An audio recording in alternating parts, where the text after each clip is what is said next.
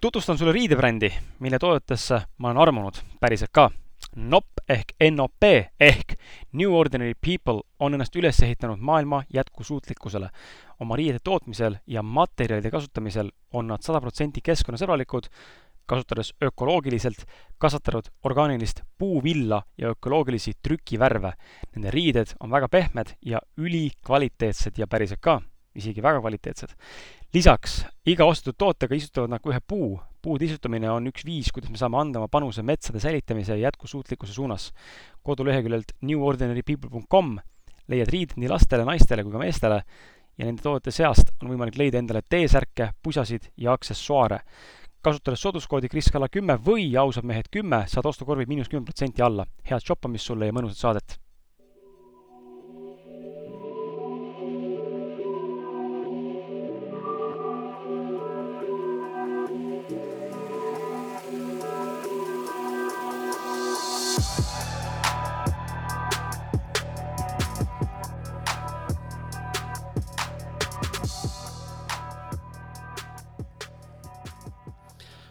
No tšau, tšau, tšau, tšau, tere tulemast, tere tulemast kuulama podcast'i Ausad mehed. ma ei tea äh,, ma ei tea, kuidas alustada, pole ammu salvestanud stuudios äh,, nii et ma väga tänan tänast saatekülalist, kes mulle see võimaluse andis, et taas tulla siia äh,. mina salvestan seda hetkel täna, esimesel septembril, sina kuuled seda tõenäoliselt nädal-kaks hiljem esmakordselt ja võib-olla siis, kui sa kuuled veel hilisemalt, siis on veel hilisem äh, kuupäev, aga äh, september on käes, uus hooaeg alustamas ja, ja suve võtsin tühja, tühjalt nii-öelda vabalt, äh, tõmbasin pistiku seinast välja nagu täitsa ausalt.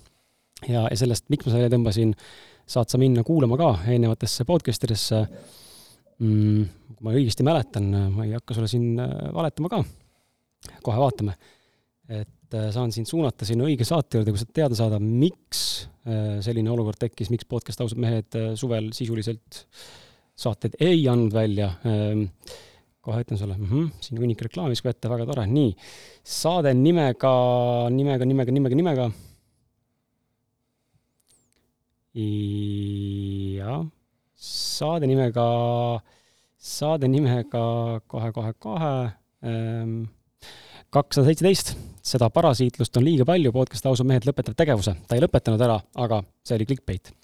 paljud, kusjuures äh, ma pean sulle tunnistama, et äh, Gert, sa ei kujuta ette, kuidas inimesed valesti asju mõistavad, eriti kui sa ei pane kui ei ole seda visuaali vaata näha, mis äh, miimikaga või emotsiooniga ütled seda, siis see postitus sotsiaalmeedias, kommentaarid olid sellised, et umbes noh, mind nagu maetakse maha, et äh, aitäh, et olid olemas ja, ja hakkame igatsema sind ja. tšau no,, tšau, lähme edasi. jah, et noh, suri ära noh, et äh, okei okay,, ma saan aru, et see oli ka kommunikatsiooniprobleem, et ma natuke võib-olla jätsingi mulje, et ongi nüüd kõik, aga tegelikult see oli, lihtsalt läks pausile ja mine kuula, kui tahad teada, miks, siis äh, ma arvan, et täna räägime natuke sellest ka just läbi saatekülalise pilgu, et äh, kuidas teinekord üks teekond võib saada otsa või teinekord on meil endal selline tunne, et äh, mulle meeldib, kuidas üks äh, mul saates käinud spirituaalne õpetaja Andres Vana on, on, ütles niisuguse huvitava lause, et et see viis, kuidas ma täna teen seda, on lüpstud, et see lehm on lüpstud, et sellise viisi, nagu ma siiani teinud olen, seda asja edasi teha ei saa on vaja lihtsalt muuta seda signatuuri või dünaamikat ja jätkata hoopis teistsuguse nagu viisi või lainega ja seda ma täpselt tegingi ja tundsingi ja nüüd on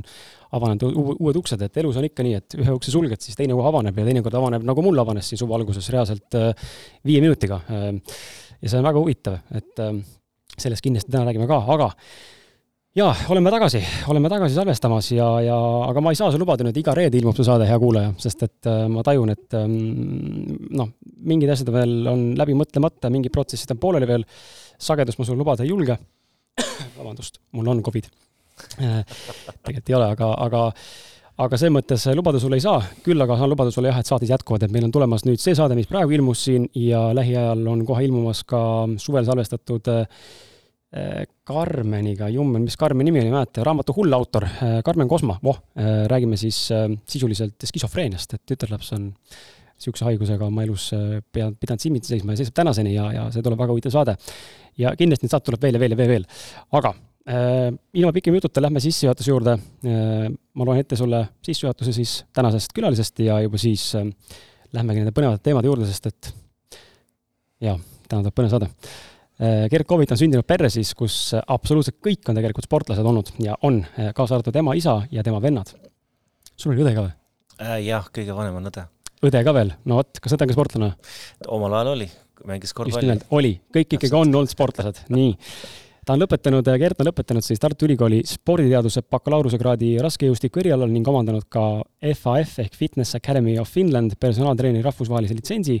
Lisaks on siis Gert viimase kolme, kolm kuni neli aastat olnud taimsel toidul, millest me täna, kindlasti äh, pikemalt ka räägime noorena on ta tegelenud siis kergejõustiku, pallimängude ja suusatamisega, hiljem Eesti tasemel kulturismiga ja nüüd rahvusvahelisel tasemel jõu tõstmisega. töötanud on ta samuti personaaltreenerina circa kakskümmend viis aastat, mida on päris palju tohutut äh, kogemust ja sellest viimased viisteist aastat siis Londonis tegelikult, täna siis loomulikult Eestis, äh, Golden Clubi ridades. täpselt ja ta on kirjutanud ka raamatu Tervise abc ja samuti artikleid Tervis pluss ajakirja ja viimasena artikkel siis UK Men's Health ajakirjas, see on päris äh, impressive, päris lahe. jaa, aga no vaata, välismaal need kõik asjad käivadki niimoodi, et äh, läbi tutvuste ja nii ja naa, et äh, väga tihti on see, et sa ei peagi olema väga kõva tegija või siis jagama seda asja, piisab lihtsalt sellest, et sul on head inimesed ees, kes söödavad sind ette mm -hmm. ja, mhm. ja eks ta välismaal kahjuks ta niimoodi käib, Eestis on ikkagi niimoodi, et kui sa oled milleski hea, siis, siis varem või hiljem sa ikkagi jõuad sinna äh, tunnustuseni ja inimesed saavad aru, et kuule, et sa oled ikka täiesti tasemel, et äh, selles mõttes Eesti on natukene põnevam mm. -hmm. ja personaaltreenerina siis äh, Gert nõustab äh, algajaid äh, kaalulangetuse ja kaalu tõstmise teemadel, jõutreeningu, fitnessi ja kulturismi vallas, toitumise vigastuste järgsete teemadega ja lisaks ka siis rühi ja liikuvuse treeningu osas ja tänases Äh, saates siis me puudutame päris huvitavaid äh, asju. Äh, ma korra vaatan siit, ma korra vaatan siit, jaa, ja meil on siin tulemas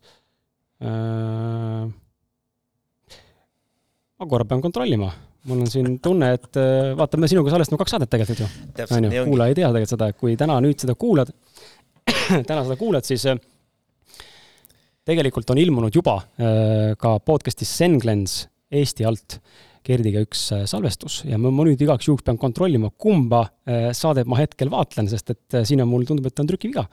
aga ma korra kontrollin üle selle, see on täiesti normaalne, et niisugused äh, asjad juhtuvad äh, nii, kohe vaatame, võtame lahti, meil on õnneks on, vaata, tore on see, kui sa oled süstematiseeritud inimene, siis äh, ei ole probleemi oma, oma asju üles leida kohe ilusti. no minul juttu lippab igatahes. väga hea. jaa, okei okay,, mul ongi lihtsalt siin äh, ja, ja kõik on õige, mul on äh, sissejuhatus on sama, lihtsalt äh, ma olen unustanud vahetada siis äh, sissejuhatuses ühe sõna ära, see tekitas praegu hetkel minus natukene segadust, kõik on õige, paneme aga edasi, ega midagi oleks muutnud ka, vahet pole, oleks olnud emb-kumb siis saade, mõlemad on nagunii väga-väga nagu selles mõttes teistsugused.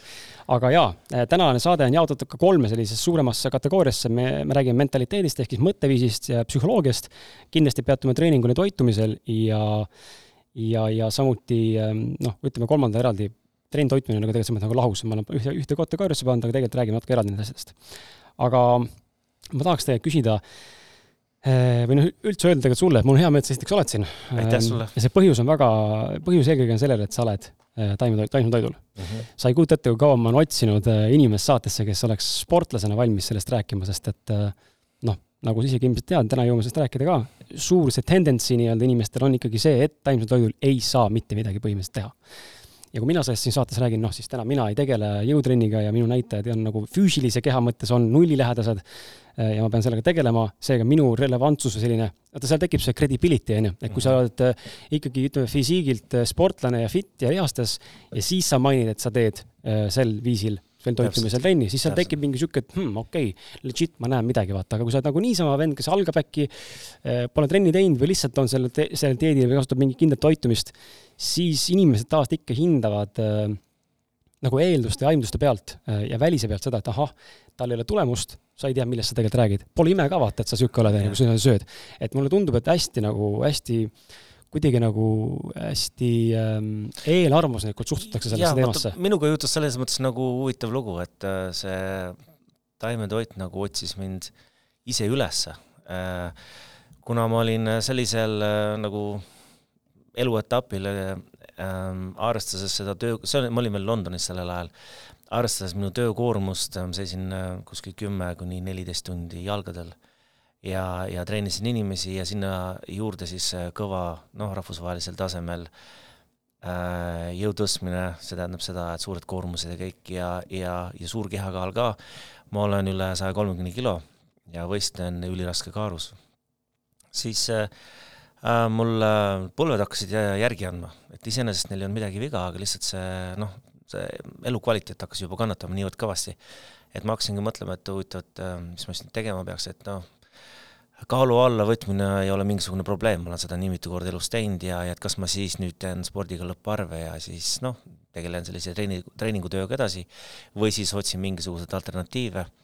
ja tollel ajal siis äh, mu naine, kes siis oli juba peaaegu kümme aastat olnud äh, taimetoitlane ja ta on selles mõttes hästi armas, et ta on hästi tolerantne ja, ja, ja ta ei, ei, ei hüüdnud kõrvalt, et kuule, et sa, sa peaksid samamoodi sööma nagu mina, nagu ikka tavaliselt aga siis ta lihtsalt ütles, et noh, et äh, kuule, et sa, sa võiksid proovida noh, nädal või kaks, et äh, vaata, mis juhtub, sest et äh, on tuntud, et just taimetoit on selline, mis vähendab põletikku kehas ja aitab just vigastustest paranemist ja, ja no siin on hästi palju selliseid näiteid ju ka tipptasemel poksijatest, kes on peale matši läinud seal mõneks ajaks ja saavutanud väga häid tulemusi.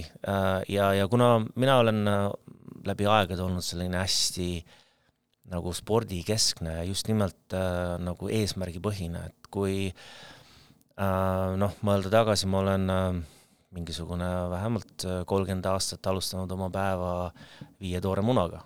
et noh, äh, kui sa küsid, et kuidas see maitseb, ta maitseb kohutav. aga sa teed seda sellepärast, et ma lihtsalt tahan seda eesmärki saavutada ja ja, ja isegi tead, toorest liha on söödud ja, ja mis iganes, selles mõttes tõsine Eesti mees, eks ole, on ju, kui ma tahan esimene olla, siis, siis ei ole tähtis, kuidas see toit maitseb, sa teed selle lihtsalt ära. ja trenniga täpselt samamoodi äh,, rasket trenni ei pelga, eks ole, teed oma asja seal. ja, ja noh, siis ma muidugi haarasin seal õlekõrrest kinni ja, ja, ja hakkasin proovima seda asja ja, ja tõesti nädal aega oli selline suur muudatus ja kahe nädala pärast ma isegi ei mäletanud, et mul selline asi üldse olemas oli. ja siis ma avastasin sellega koos ka veel, et äh, taastumiskiirus on erakordselt kiirem. et tõesti, ma suutsin ennast võrrelda sellisena, nagu ma olin kahekümne viie aastaselt, ma olen praegu peaaegu viiskümmend. ja, ja, ja siis, äh, mis on selle taimetoidu juures huvitav, on see, et äh, kuna ta seedub hästi kiiresti, siis sul on palju rohkem toidukordi päevas mis ühest mõttest nüüd tavalise inimese jaoks on, no mis jama see nüüd on, eks ole, ega ma siis nüüd lehm ei ole. et mul peab kogu aeg mingisugune toidukott peab seljas olema ja muudkui seal lampsan. aga kui sa vaatad seda sportlase seisukohast, siis mida tihedamini sa sööd, seda rohkem kõiki need vajalikud toitained kehasse tuleb. seda kiiremini sa taastud, seda kiiremini kõik need protsessid kehas toimuvad. ja tollel ajal ma käisin äh, äh, trenni tegemas Äh, minu treener oli Dave Bulldog, mis on üks äh, kuulsamaid ja jõudlusmistreenereid üldse seal, äh, sealpool, eks ole, ja, ja tema on ähm, ähm väga kuulsate selliste maailma tasemel jõudlustjate ristiisa, nägi nagu Andy Bolton, esimene mees, kes on jõutõmbes tõmmanud tuhat naela maast lahti. Äh, ja, ja paljud rammumehed ja, ja, ja ütleme, see, see, see saal, millest ma käisin, selle nimi on Genesis Gym ja ta on siiamaani äh, viie kõige sellise kultuslikuma äh, jõutõstmissaalide nimekirjas maailmas ja tõesti, ta on selline nähtus omaette. ja, ja ma olen alati olnud selline, et ega ma, ma ei ole selline tegelane, kes ronib kõige suurema kivi otsa ja hakkab siis vastu rinda taguma ja hõiskama kõigile, et mina teen seda ja miks teie ei tee ja, ja vot see on see õige. et pigem ma olen sedasi, et äh, ma lasen oma tegudel asja eest rääkida ja, ja, ja ja kuna minu soov on alati olnud äh, olla parem äh, iseendast, siis äh, äh, hästi armas oli näha, kuidas sellised suured noh, ütleme Inglismaal on äh, eks ole, need äh, steroidide kasutamine on palju vabam, kui on Eestis ja suured-suured mehed tulevad, küsivad, kuule, kuidas see võimalik, kuidas sa teed seda? ja siis ma olen neile rääkinud, vaata, ma selline asi, et ma olen taimetoidu peal ja siis esimene reaktsioon on, hing jääb kinni, suu läheb lahti ja siis paari nädala pärast tuleb ja küsib, et äh, kuule, kuidas sa teed seda, ma proovin ka mm. -hmm. ja riburada pidi äh, inimesed hakkavad ise proovima seda, huvitama, sest et noh, vaata, ongi see, et sa oled ise eeskuju.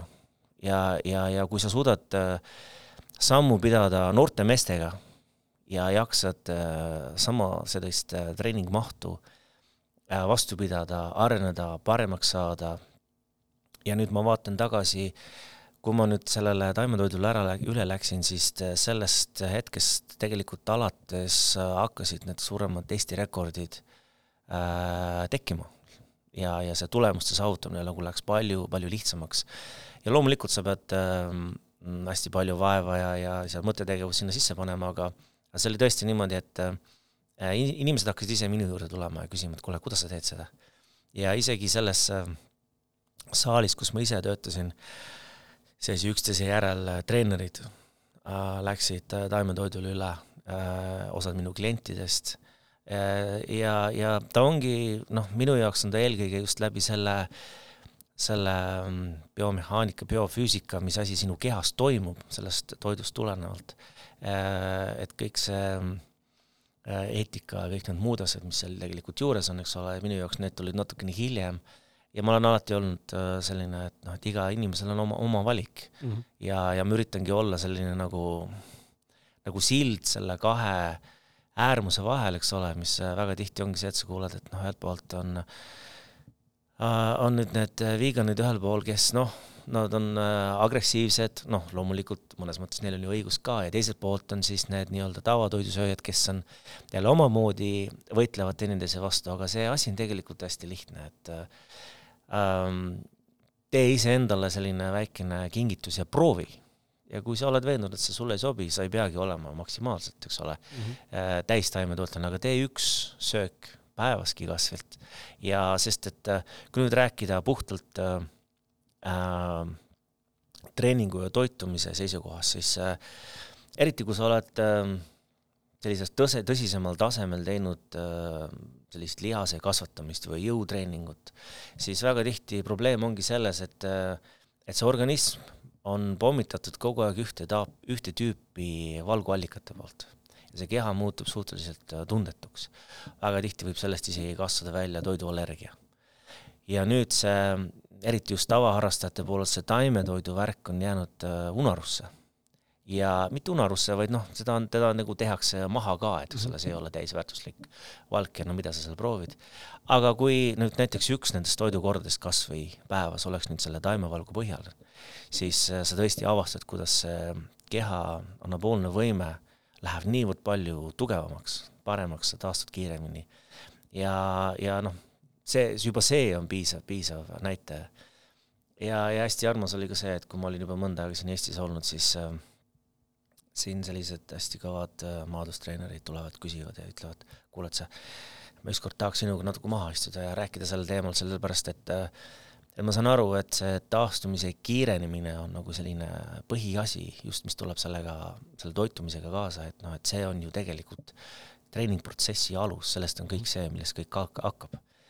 ja, ja, ja hästi tore on näha seda, et tegelikult selline tavaline Eesti inimene võib olla ka sellise hästi palju laiema ähm, maailma nägemisega, kui me tegelikult arvame, sest et äh, tihti, eks ole, me vaatame iseennast ja arvame, et me oleme sellised väga oma traditsioonides ja asjades kinni, aga, aga tegelikult on sellist uuelaadset mõtlemist äh, hästi meeldivalt palju. -hmm. siin on äh, paar kohta, kus ma kohe kinni võtan ka ja lähen nagu täitsa selle vastuse algusesse tagasi. et äh, sa mainisid toidu maitset, tõid selle muna näite, onju ise ka kunagi, ma mäletan, kui mingeid trenne tegin ka, siis noh, ma ei tea, ma üritasin, tegin seal jõusaali käsipalli kõrvale või jõusaali taiboksile kõrvale, siis ma mäletan, ma proovisin ka toores nagu muna nagu juua, onju, päris tülgastav, noh, ta ei lähe sul võib-olla korraga alla ka siis ta venib kuidagi kurgu ja juba suu vahel, onju, see on niisugune öökima ajav, aga, aga okei okay,, onju. ja, ja mul on nüüd viimasel ajal tekkinud nagu selline küsimus, ma esitasin sama küsimuse või noh, ütleme, filosofeerisin ka siin hiljuti Eesti biohäkkeri Siim Landiga, ma ei tea, kas sa Siim Landi nime oled kuulnud või tuntud või tead, et ka üks noor kutt, eks ole ka see kogu selles maailma sisse läinud. Äh, ja tema nagu ütles ka, tal oli enda mingi mõte selle kohta, aga ma räägin ka sulle seda ideed, et ma siin naisega rääkisin üks päev ja tekkis siis selline arusaam nagu või taipamine, et noh, ma olen olnud äh, taimetoitlasena ja tegelikult ka liha, noh, segatoidusena ka, aga ütleme, taimetoitlasena just rohkem, ma olen hakanud hästi palju eksperimenteerima ja kokkama nagu reaalselt noh, tegema ikkagi nagu kuradi noh, restorani roogasid onju, mulle meeldib mm -hmm. igast kuradi kurrid ja värgid mm -hmm. ja karrid ja toimetad ja teed mingid hullud saladid ja maitsestad, toimetad mm -hmm. ja sa otsid seda maitseelamust onju, tahaks, toit oleks maitsev ja mitte, et nagu siis toorena mingid asjad ei oleks, aga sa tahad ikkagi seda kikki saada. või vähemalt sinust midagi sees tahab. ja siis ma alles nüüd hiljuti mõistsime naisega, et kurat, see on nii tüütu protsess, see on nagu endless journey, sa kogu aeg otsid seda äh, ultimaatum maitseelamust. sa tahad kogu aeg saada, et see toit toob sulle selle maits, maitseliku nagu kaifi kätte, et ma hammustan, siis ma tunnen, ma olen kuskil hõljun, eks ole. aga sa tõid väga asja, asja välja, mida ma olen kuulnud ka teistelt sportlastelt äh,, vahet pole, mis toitu nad söövad et väga paljud ütlevad ka, et nendel on see suhtumine, et toit on lihtsalt kütus. Äh, toit on äh, vahend äh, tulemuse saavutamiseks mm. -hmm. et ma näiteks avastasin seda, et kui ma siin täitsa mõtlesin, et okei okay,, nüüd on spordiga kõik, ja, ja, ja see on nagu väiksest peale minusse sisse kuidagi kasvanud niimoodi, et kui ma söön midagi, ma alateadvuses mõtlen, mida see söök minule teeb mm, -hmm. mida ta mulle annab ja, ja mis ja, sa mõtled siis, et sööd riisi, mm, süskarid tulevad, süskarid tulevad või? see minu jaoks tähendab seda, et noh, sealt tuleb kehakaal, sealt okay. tuleb energia, sealt tuleb see jõud, sealt nagu Eddie Hall ütles, eks ole, et mass liigutab massi. eks ole, see on see energia, see on see, mis sind teeb tugevaks, sööd seal mm -hmm. valguallikat, eks ole, see on see, mis paneb sul lihased kasvama, see on see, mida sul vaja on. ja siis noh, alateadvuses sa juba hindad seda portsu suurust, kui palju mida, kui palju toda ja, ja noh, see noh, kuna, kuna ma olen sportlane olnud eluaeg, siis see on nagu nii sisse kasvanud, et sellest ei saa kuidagi välja. ja, ja sealt ka tuleb ka see, et ma ei ütle üldse mitte seda, et taimetoit ei ole, ei ole maitsev, pigem vastupidi. et äh, see ongi see, et sa väga palju sööd ju värskeid asju, eks ole, et see, see, ütleme see, need maitse äh, elundid, mida sa kas-, kasutad, on natukene teistsugused äh, ja sellega harjut-, noh, alguses on muidugi raskem. Mina olin ikkagi hädas üks üks äh, kaks kuud vähemalt. Ja, ja õnneks mul on õudselt vedanud äh, sellega, et äh, mu naine on sellesse, sellesse treeningusse niivõrd nagu ja, ja minu sellesse arengusse niivõrd kõvasti investeerinud, et me mõlemad istusime maha ja me saime aru sellest, et esiteks ma olen üle, ma olen üle, üliraske kaalus, ma võistlen selles kehakaalus. Ja mul on tõesti äh,, tollel ajal ma olin maailmas neljand-viiend-, neljandal-viiendal kohal ja, ja no niivõrd äh, hirmus tahtmine oli vähemalt kolmandakski saada, eks mhm. ole, vähemalt teisekski saada. ja ma olin niivõrd lähedal sellele. ja vaata, siis tekib selline, et sul on hästi natukene vaja, et olla maailma tipus. no kuidas sa järgi annad? ja siis äh, ennem kui me selle ümber nagu lülitamise tegime, me äh, nagu lugesime hästi palju, uurisime, kuidas seda asja paika panna, sest et noh äh,, minu enda arusaam taimetoitlasest, eks ole, ta on selline äh, kuuekümne viie kilone meesterahvas sinise nahaga äh,, kergelt läbipaistev, eks ole, ja kui kõva tuul on, siis ju lendavad juuksed peast ära. et noh, see on see, kuidas mina taimetoitlast enda ette kujutasin ja ma vaatasin oma naisele otsa, kui ta mulle sellest rääkis ja mõtlesin, no kas sa, kas sa tõesti kujutad ette, sa vaata mind, no kuidas, ma kõnnin nagu kõrg, kurk põses äh, terve päev ringi ja muudkui krõmpsutan, eks ole, kui ma seal inimestele trenni annan, et, et noh, see ei tule kõne allagi. ja tollel ajal oli ähm, just äh, äh, rammumeeste hulgas selline kõva hitt oli see vertikaalne dieet. seda pole kuulnudki. see nüüd on selline, et ta on, äh, ta on selle asja mõte on selline, et see söök on siis tehtud, sellega taimetoitlusega mitte midagi tegemist mm, -hmm. aga ta on just disainitud spetsiaalselt äh, osales, osaliselt ka kulturistidele äh, aga eelkõige just rammumeestele, kes on seal kahesaja kilosed ja, ja, ja tõesti see keha energiavajadus on ülisuur ja see mõte ongi selles, et anda kehale selliseid äh, toiduaineid, mis on kergesti omastatavad, kergesti seeditavad, kõrge kvaliteediga äh, ja, ja me ise üritasime teha siis sellest samast asjast taimetoidu versiooni ja, ja noh, eks alguses olime natukene hädas ka, aga, aga me saime kohe aru sellest, et esiteks äh, üks asi on kehakaalu hoidmine, teine asi on kõikide vajalike toitainete kättesaamine ja siis me avastasime seda, et äh, kui ennem äh, noh, minu loomulik kehakaal on kusagil, kusagil seal üheksakümne kandis, isegi natukene alla üheksakümne, ma arvan, et kui ma sööksin tavalist sööki ja ma sööksin seda niimoodi, kuidas ma ise tahan, siis ma tõenäoliselt kaaluksin kaheksakümmend kuus kilo. ja, ja selle selles kaalukategoorias püsimine minu jaoks oli päris tõsine, tõsine tegemine, et noh, et äh, noh, selles mõttes tundub kummaline, et, et mees näeb vaeva ja et suur olla, aga no vot niimoodi ta ongi, eks ole mm. -hmm.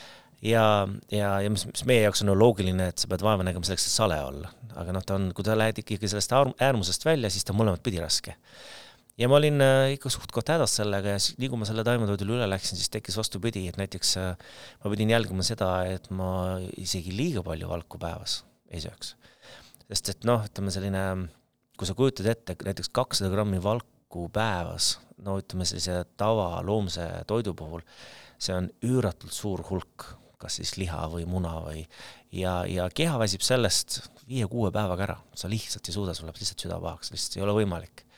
taimetoiduga on see asi, et see on niivõrd lihtne, sest et ta seedub niivõrd kergesti. ja see ongi see, et need toitained tulevad palju kergemini kehasse ja, ja, ja pigem see probleem oligi selles, et et vaadata, et ma nüüd väga liiga suurest kätte ära ei lähe ja, ja et sellel, noh, sellel kaalul oleks ka mõtet, et lihtsalt nagu niisuguseks ümmarguseks pontsikuks ei ole ka nüüd vaja minna. ja, ja, ja need ja siis ma saingi aru sellest, et nagu see õppetund minu endale oligi see, et sa pead olema iseenda vastu leplik ja kuulama oma keha ja andma oma kehale aega harjuda. ja, ja, ja vot Äh, noh, kõigil on ju, on sellised äh, hetked, kus äh, tead, me kukume ree pealt maha. see ei tähenda seda, et see on maailma lõpp. vaid vastupidi, see on, mina vaatan seda pigem sellisena, et see tuletab sulle meelde, miks sa seda õiget asja algusest peale juba tegid, sest et ta näitab sulle seda, et kui sa ikka sealt ree pealt maas oled, siis on ikkagi kehva enesetunne ja, ja, ja noh, see tunne on hoopis teistsugune. minu puhul on just alati olnud see, et et nii kummaline, et kui ma isegi kogemata söön näiteks midagi, mis ei ole taimetoidu põhjane, siis ma tunnen seda kohe liigestes mm.. et ta tõesti, mul on selline nagu selline salajane kell on keha sees, mis siis äh, tuletab mulle meelde, et kuule, nüüd sa panid natukene puusse või siis, et see töö, söök ei olnud täitsa puhas. mul reageerib äh, kõri. no vot, näed.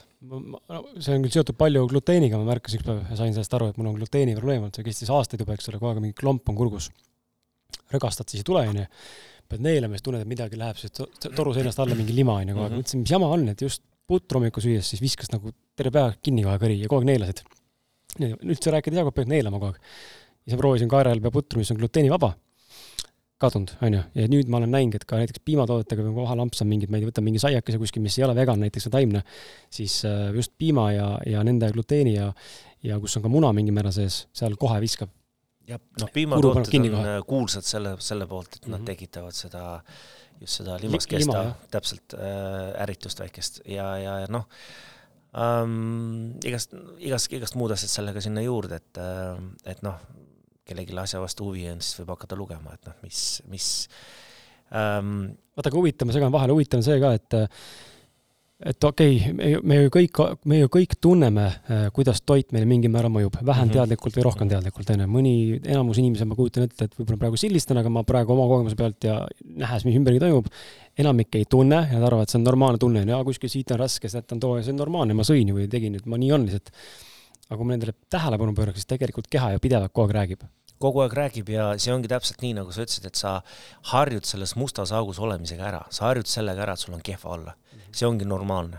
ja siis eh, see on nagu alkohoolik, eks ole, iga hommik ta ärkab üles, tal on kohutavalt kehva olla.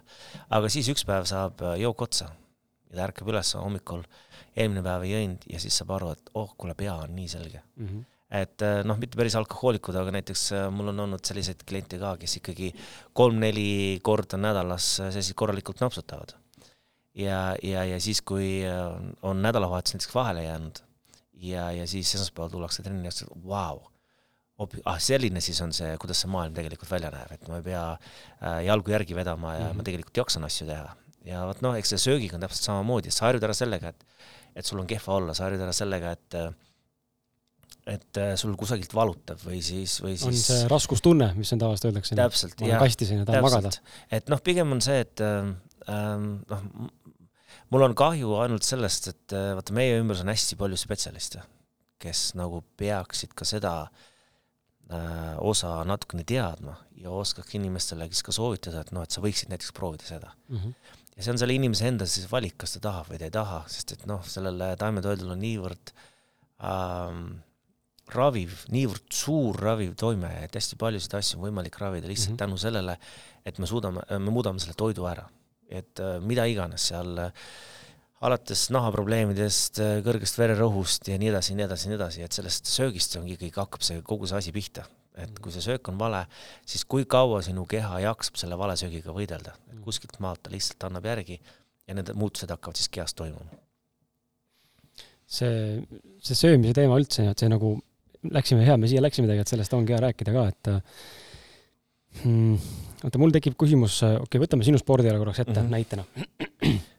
et äh, sa oled suur mees mm, -hmm. enamik teie spordialas on suured mehed mm. -hmm. ja ma saan aru, et see on ka põhjusega noh, me oleme erinevates kategooriates, eks ole. aga no ütleme, noh, ütleme selles... kui sa ütled, et sinu normaalkaal nii-öelda oleks siis ütleme üheksakümmend, eks kuskil kui sa ei, ei pingutaks ega mm -hmm. ei mhm. push'iks, onju, mhm. aga nüüd sa oled niisugune circa kolmkümmend pluss kilo nagu raske oma yeah. selle võistluse või oma spordi yeah. jaoks, onju. minu küsimus, mis tekib, ma arvan, et kuulajad on ka mõelnud võib-olla selle peale, ma ise olen selle peale korduvalt mõelnud, et aa, vot, äh, sellist asja juhtub äh, võib-olla aastas korra, äh, aga ma pean lihtsalt, siis teeme niimoodi, et ma lükkan siit seda vastupidi vähemaks korraks. ja kuna me salvestame ProGear ruumides, tere, tere, ProGear, siis me peame sellega arvestama, et mõnikord on siin poes meil ka kliendid, kes otsustavad äh, muusikat siin all testides, nad tahavad ju osta muusikakeskust no,. nii et siis mul ei ole taustamuusika vastu absoluutselt mitte siis midagi. siis nii lihtsalt on, noh, et näed see läbi, onju, et aga, aga tulles selle sinu näite juurde, et ma olen ka mõelnud, et okei okay, mm,, kas, kas see on nagu vaja, kas see on siis hädavajalik olla sellises kaalus äh, ja just nagu sellise keha kompositsioonis, kus sul on massi tohutult, eks ole, onju. Äh, loomulikult on ka lihased, aga massi on tohutult. Versus näiteks, ma ei tea, toome näite mingisuguse väga, ma ei tea, mis need kulturistid kaaluvad. tegelikult ei ole üldse selles mõttes. kas nad, need jõuavad sama palju teha või teil on ikkagi rohkem jõudu või miks need, miks need ei... nii erinevad dünaamikad on, näiteks keha kompositsiooni mõttes just? see on isegi selles mõttes kummaline, et näiteks jõu tõstmises kõige tugevamad mehed äh, vastavalt oma kehakaalule, et kui palju rohkem nad oma kehakaaluga võrreldes suudavad tõsta, on väga tihti mehed, kes on seal kuskil üheksakümne kuni saja kümne vahel. Okay.. et mida suuremaks need mehed lähevad, tegelikult see, see, see jõukoefitsient tundub Kukub. olevat natukene väiksem mm -hmm. jah, aga ta on ähm, juba iseenesest selline, et, äh, et vaata, ähm, sul on selline optimaalne kaal, kus kohas äh, just jõunäitajad on sellises äh, ideaalses vahekorras ja mida kauem sa seda, seda sporti teed, sa paned sinna lihast juurde, eks ole, see keha mhm. areneb mm, -hmm. kohaneb sellega, sellega kaasas käib tillukene väikene kaalutõus ja siis sa jõudki sinna kohta, et et minu need tipptulemused ongi kusagil äh, kehakaaluga seal kuskil saja neljakümne kuni saja kolmekümne vahel, et selle, see on, see on minu nagu, nagu tipptulemused. et kui ma nüüd võtaksin oma kehakaalu alla sinna kuskile saja kanti näiteks, siis äh, ma võin rahulikult võtta üks nelikümmend protsenti kõikidest tõstetest maha. ja, ja seal ongi nüüd äh, just äh, sellised äh, mehed, kes vastupidi, jaksavad tõsta minu tipptulemustest isegi rohkem. et see ongi see, et sa vaatad, kus kohas sa oleksid kõige, kus sul nagu mõttekas võistelda, kus kohas mm -hmm. sul kõige äh, suuremad medališansid on. ja siis sa tavaliselt istudki selles kategoorias. okei okay. aga räägime korra siis ka toitumisest, et et mm, vaata, see on ka, see on nagu nii huvitav teema, sa mainisid, äh, sa mainisid, just tegelikult on huvitav see saadet üldse inimestega on huvitav teha, sest et äh, vaata, segadust tekitab inimestes ja minus endas ka tegelikult, ma pean tunnistama, mida rohkem ma hakkan uurima, on ju, isegi kui ma olen taimetoitlane ähm,, äh, mida rohkem ma hakkan uurima mingit asja äh,, siin tegelikult üldse vahet, mis valdkonnas see on, mida rohkem sa uurid, seda rohkem lõpuks tekib segadust, kui sa enda jaoks ei suuda otsustada, et nii, ma nüüd jään selle juurde ja nii on kõik. et eh, noh, et justkui sulge ennast infoks mingiks ajaks, et saaksin hakata implementeerima ja rakendama ja ise kogema, sest senikaua kui ise ei koge, sa lihtsalt õpid ja uurid, no seda controversial vastuolulist infot on lihtsalt nii palju sitaks, igalt poolt tuleb sisse, onju. üks ütleb sulle, kurat, nii ei saa, nii saab, onju. teisel töötab, teisel ei tööta, onju. ta ei ole isegi mitte ainult selles, vaid äh, ma just tegin ühe äh, toitumiskoolituse Äh, El Corneli äh, ülikooliga. ja, ja näiteks, mis nemad välja toovad, ongi see, et äh, kui sa tahad midagi tõestada teaduslikult, siis sa alustad sellest, et sa valid sellise uurimisgrupi mm, -hmm. kes tõestabki sulle seda, mida sa tahad. et selles mõttes ongi see, et sa pead, tänapäeval sa ei saa enam lihtsalt lugeda ja vaadata neid uurimustöid ja, ja võtma neid tulemusi mustvalgena, vaid äh, kahjuks äh, nagu uudistega tänapäeval, kõik on võimalik manipuleerida mm, -hmm. kõik on võimalik äh, panna täpselt selliseks, kuidas sina tahad. alates sellest, et kui sa valid õige uurimisgrupi äh,, sul on võimalik isegi tõestada, et ma ei tea, suitsetamine on kasulik mm, -hmm. kui sa teed seda mõõdukal äh, kogusel, eks ole ja mis ei näita tegelikult selle tõe ära, onju. ta on ühepoolne narratiiv lihtsalt. ta on täpselt, keegi on lihtsalt osunud, olnud, olnud osav ja pannud asjad õieti kokku. ja teine asi on see, et väga tihti võetakse neid tõdesid välja kontekstist mm. -hmm. näiteks üks kõige suuremaid selliseid noh ähm,, ma tean, et äh, sa kindlasti saad nüüd hästi palju selliseid äh, vihkamiskirjasid selle pärast, aga üks, üks nagunii. üks suuremaid selliseid äh, tabusid on see, et taimne valk ei ole täiuslik mm. -hmm. et omal ajal, kui see tuli uurimustööst välja, siis see naisterahvas, kes seda uurimustööst kirjutas, ta tuli algselt selle versiooniga välja, hiljem ta võttis sellesama uurimustöö tagasi, ütles, et see tegelikult ei ole tõele vastav, et kui sa neid kombineerid omavahel, ta on täi-, sama täisväärtuslik kui äh, kui siis ütleme loomne valk, eks ole. ja, ja noh, näiteks seal kolmekümnendatel äh, tuli välja uurimustöö, mis tõestas seda, et äh, et loomne valk suure, suurendab äh, organismi happelisust ja kõrge happelisus kehas ongi see põhjus, mis äh, äh, väga tihti äratab need äh, vähirakud ellu. kantserogeenne nii-öelda efekt. täpselt, jah. aga noh, jällegi, eks ole, et äh, me võime seda keerata niipidi, me võime keerata seda naapidi ja lõppkokkuvõttes ongi see, et äh, noh, mis minule on hästi palju abiks tulnud, on seesama ülikooliharidus ja sul mm -hmm. tekib terviklik pilt. ja sa saadki aru sellest, et esiteks, miks ma seda teen, miks mul seda vaja on, mis on loogiline äh,, ja siis sa paned selle asja kokku selleks, mis äh, sinule spetsiaalselt mis praegu vaja on, sest et noh, mina olen suht-koht spetsiifiline, see, ma söön oma spordialast tulenevalt selliselt äh,. ma ei saa sedasama äh, süsteemi nüüd näiteks pakkuda äh, mulle või kellelegi teisele? tavalisele keegi, vaata, me läheme veel kaugemale, näiteks kuueteistaastasele tüdrukule, eks ole mm, -hmm. et tema eesmärgid on hoopis teistsugused. Ja tema ja mm, ideaalid on hoopis teistsugused ja see, see, see toitumine peaks olema ka kohandatud vastavalt siis sellele tema jaoks.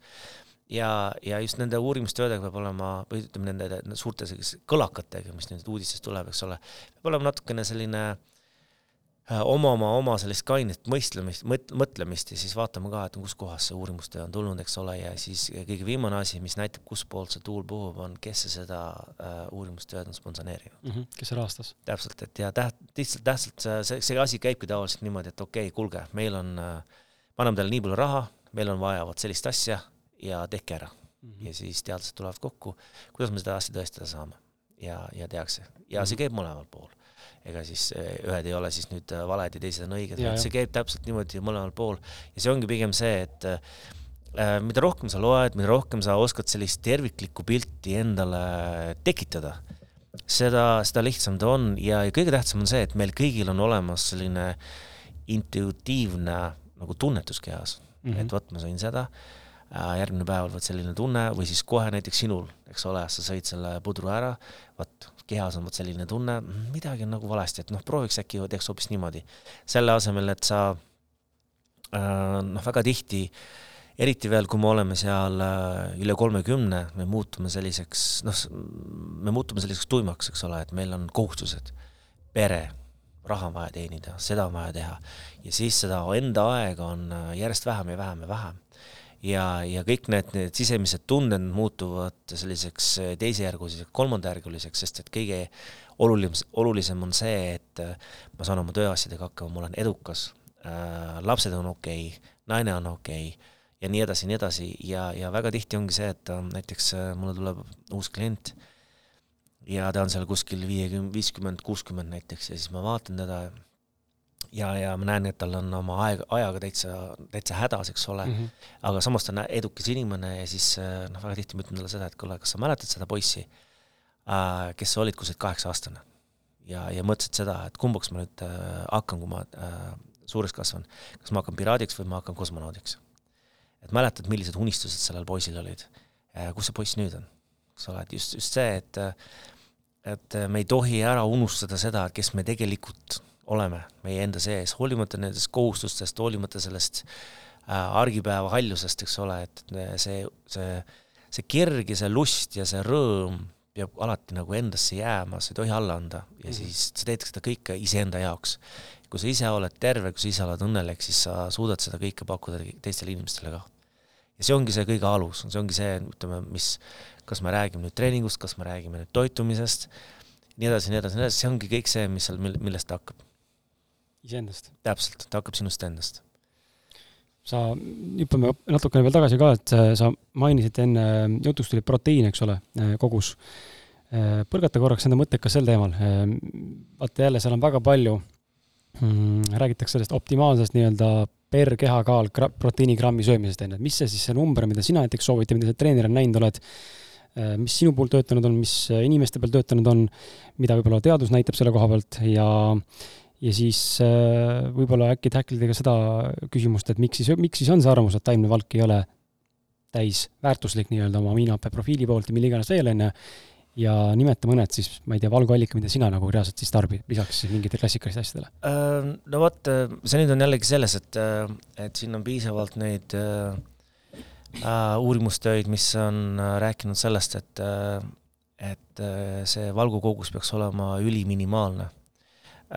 Just vältida seda, et need rasva, need val-, vähirakud, eks ole, oleksid niivõrd uh, välja lülitatud kui võimalik, siis teiselt poolt on meil need äh, kulturismikurud, kes ütlevad, et noh, et tead sa, tegelikult see valgukogus võiks olla kuskil kolm grammi ühe kilogrammi kohta ja see võiks olema kõik ähm, loomsel baasil, eks ole, seal on olemas äh, äh valgusheike, mis on tehtud äh, loomalihast ja, ja seal on äh, neid suuri kulturiste ja jõudestjaid, kes äh, äh võtavad seal keedetud kanafilee ja panevad blenderisse ja teevad sellest joogi ja joovad ja nii edasi, nii edasi, eks ole, kõiki asju on olemas um,. ja pigem see asi hakkabki kõigepealt sellest pihta ta sõltub vanusest, ta sõltub soost, sõltub kehalisest aktiivsusest, ta sõltub sellest, kas me teeme sporti, milline on meie sportlik eesmärk kas me tahame lihast, lihast kasvatada, kas me tahame kehakaalu alandada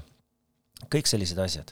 ja need tulevad kõik sinna ja lisaks sinna juurde tuleb ka veel selle toitumisharjumused, eks ole, kuidas me oleme harjunud sööma.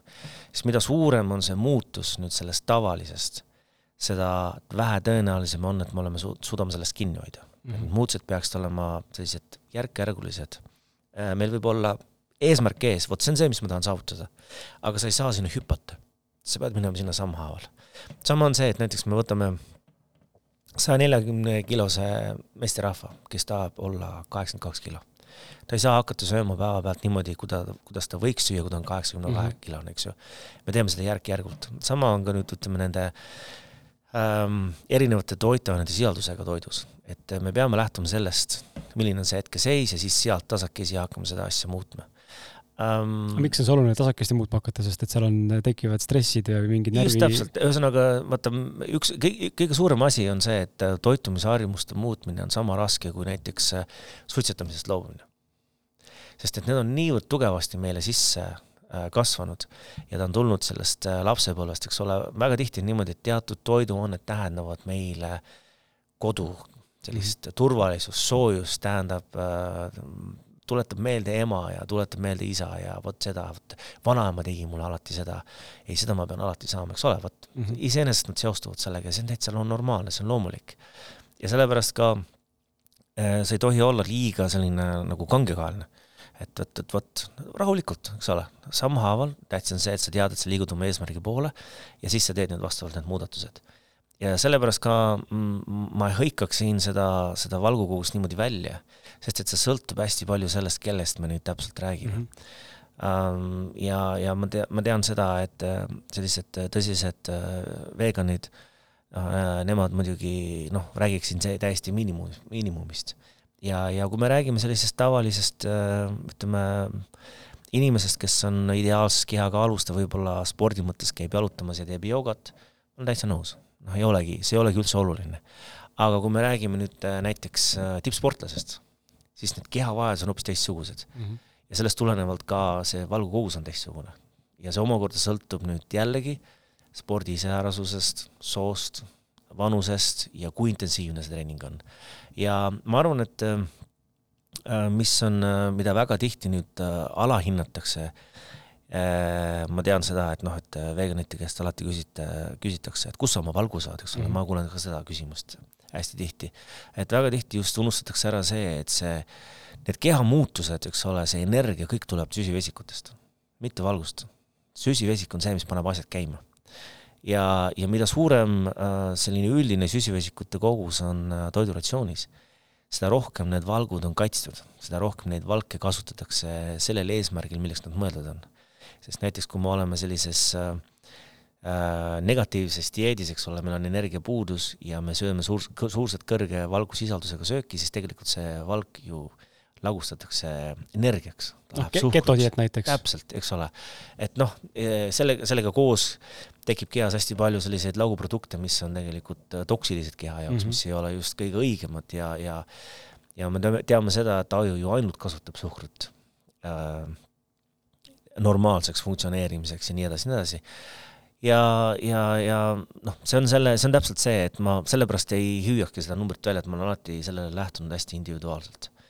minu sellised ähm, äh, lemmikvalgu allikad äh,, äh, ma pean siin kõigepealt ütlema seda, et jällegi minu jaoks on oluline see, et ma suudan seda kehakaalu üleval hoida mm, -hmm. ehk siis äh, tavalise sellise taimetoitluse jaoks, kui ta vaatab seda, kuidas mina tavaliselt söön, oh sa püha jumal, no küll siin on palju džanki sees, eks ole aga see ongi see, mis hoiab seda kehakaalu jälle üleval. Äh, näiteks üks minu lemmikud on seitan. no seitan on fermenteeritud ka ja Täpselt. kõige, mis ta eesti keeles on siis, inglise on bioavailable nii-öelda meie kehale, on ju. täpselt. see on üks minu lemmikud, äh, mida, mida ma kasutan, tofu loomulikult, eriti kui grillitud on, see on nagu täitsa selline top kaks, eks ole tempe on äh, ka tegelikult ju samamoodi. seitan on, seitan on ju tegelikult nisugluteen nagu täpselt, nisugluteen no, ja ütleme, täpselt ja noh, inimesed on, äh, teavad sellist äh, toiduainet kui vähemalt kaks, viimased kaks tuhat aastat, eks ole mm, -hmm. see on, see on niivõrd vana, mida kasutatakse. ja õnneks ta on nüüd Eestis ka siis saadaval ja, ja, ja noh, minu jaoks ta teeb, noh, töötab väga hästi. ja muidugi siin on suur osakaal on mul nendest kõikidest liha aseainetest, eks ole, mis näevad välja nagu liha, nagu kotletid, aga tegelikult nad on tehtud hoopis taimsetest ainetest. see on mock, mocked meat nii-öelda täpselt nii, jaa, nagu, nagu Beyond Meat mm -hmm. Burgers ja kõiksugused mm -hmm. asjad, eks ole. et noh, need lähevad sinna juurde.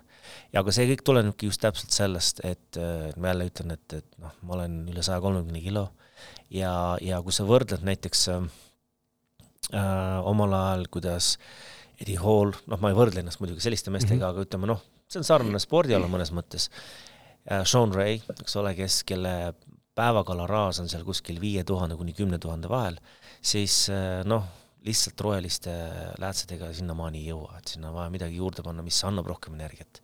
ja sellest tulenevalt ka see, see minu, minu söök, enda söök on selline. et mõnes mõttes on võib-olla natukene igav, sest et äh, vaata, mida ähm, lähemale tippspordil sa oled, seda äh, vähem fun see söök tegelikult on, see, see söök muutub äh, osaks töökst mm. -hmm. see on sinu edu saladus. see, kui hästi sa nüüd võistlustel läheb, see sõltub sellest, mida sa omale suhu oled pannud. ja, ja väga tihti see ongi see, mida me ära unustame äh,. eriti just sellised jõualad äh,, ka kiiruslikud, kiiruslikud alad, eks ole, taastumine, kõik see sõltub sellest, kui hea see toitumine seal on.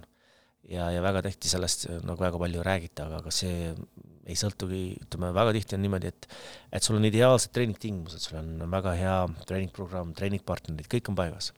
aga kui söök paigas ei ole äh,, ma just mäletan, minul, minuga täpselt sellesama asi juhtuski. ennem kui ma lülitasin taimetoidule üle, viimased kaks aastat äh, mul oli täielik platoo. küll ma proovisin erinevaid süsteeme, küll mul olid ähm,, mul oli väga hea treener tollel ajal äh,. ja, ja kuna minu äh, toitumine oli niivõrd vilets, siis lihtsalt kehal ei ole energiat sellele treeningule enam reageerida. ja see ongi see, et sa tõstad enam-vähem ühte samu raskusi kogu aeg. alles siis, kui see toitumisega selline nagu muutus toimus, siis hakkasid asjad liikuma ja siis äh, hakati küsima, kuule, mida sa teed, kus see võimalik on, et kuskohast see tuleb? ja siis äh, tead, vaatad, üks proovib, teine proovib, kolmas proovib, sest et noh, tore on see, et inimestel on seda uudishimu ja nad tahavad seda asja järgi proovida mm. -hmm. Ähm toidust, toidust tahaks veel äh, natukene tegelikult rääkida, et äh, okei okay,, aga mm, põhimõtteliselt, kui inimene näiteks oletame, tuleb sinu juurde trenni ähm,, oletame, ma ei tea, võtame mõlemad näited, lihtsalt need klassikalised näited, tahab kaalu langetada ja tahab kaalus juurde võtta. noh, mind on sul hea vaadata siit, ma tahaks näiteks kaalus juurde võtta, see on mu eesmärk ka nüüd sügisest, tahan hakata trenni tegema. ma küll jõusalisi käima teen kehakaaluga ja, üritan võimalikult palju raskusi külge panna, kui vaja on, aga alguses ei ole seda ka vaja, kui sa pole üldse teinud midagi, siis saab ka sellega hakkama. aga ma näen, et minul on kindlasti probleem äh, toiduvolüümis ja ilmselt on probleem ka valgu saamises. Äh, ma näen, no muidugi trenni consistency on ka puudu, aga aga ma näen seda, et ma söön palju, ma ei saa siin mingeid pilte näidata mm -hmm. kogustest ma söön palju, tegelikult toidukogused suured, aga, aga ma näen, et see on tekkinud jälle uus platoo. mingi aeg oli segatoidus platoo mul ma ei tea, terve elu on kuuskümmend kolm, kuuskümmend neli olnud ja siis taimetoitlasena tekkis uus platoo kuuskümmend üheksa, seitsekümmend, mis on täna. ja siit jälle edasi ei lähe, noh, ma ei tea, trenni ka, võib-olla kui trenni teeks, siis äkki läheks, on ju. aga mis on see, millega sa tavaliselt inimesega töötad, et kui inimene tahab võtta kaalus alla või kaalus juurde, siis äh, ma ei tea, millest sa alustad, on see kindlasti esialgu toit kohe korda saada või trenn kohe korda saada ja kas sa oled, kas sellises mõttes äh, treenerina lähened sa kindlasti nüüd selle taimetoidu poole pealt või sa äh, oled valmis ka inimesele ütlema välja, kuule, tead, et tegelikult ma näen, et noh, sa võiksid julgelt vabalt jätkata näiteks lihasöömist või implementeerida kokku neid asju? jaa, ma olen, ütleme, treenerina eelkõige seda, et äh, ma ei sunni kedagi tegema seda, mida nad teha ei taha mm. -hmm. ütleme, see, see, et ma taimetoitlane ise olen, noh, mu naine küll vahelt, mulle ütleb kõrval, et sa võiksid olla, aga no minu noh, minu selline eesmärk on see, et sa pead selle sinna ise jõudma, sa pead ise mm -hmm. sinna jõudma, et ma võin sulle ainult soovitada seda, et kuule, et sa proovi üks toidu, toidukord näiteks päevas teha. taimetoidu põhjal, vaata, kuidas sa tunned, eks ole. ja, ja siis sõltuvalt sellest näiteks, kuidas on selle inimese hormonaalne tasakaal, natukene soovitada siit, et vaata, ole nende toiduainetega ettevaatlik ja proovi äkki hoopis seda ja siis nad ise näevad, kuidas see muutus toimub ja see õhin tekib juba sealt mm. -hmm. aga nüüd spetsiifiliselt äh, sinu seisukohast, esimene asi, mis ma teeks, on see, et äh, ähm, vaata, siin on põhjus, miks sa oma asjadega hädas oled. ja see peamine põhjus minu jaoks tundub, on selles, et sa oled üksinda. ja üksinda just selles mõttes, et äh, see, eriti kui sa teed trenni keharaskusega, see, kas sa teed trenni, kus sa teed trenni ähm,, sa oled kogu aeg üksinda. et esimene asi oleks see, et ma kõigepealt muudaks äh, ähm, seda keskkonda ja paneksin sind trenni tegema sellises kohas, kus kohas sa oled ümbritsetud teistest inimestest. ja kas sa tahad või sa ei taha, alati kui sa trenni lähed, sa treenid südamest, kuna kõik sinu ümber teevad, samamoodi trenni.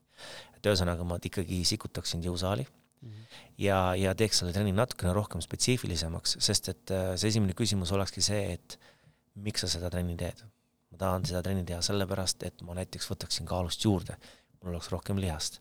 okei okay,, sellisel juhul see sinu trenn võib jääda sinna juurde, nagu fun factor, eks ole, aga ähm, sinna trenni peaksid tulema nüüd sellised harjutused, mis on rohkem spetsiifilised, mis aitavad sul näiteks neid harjutusi rohkem paremini teha.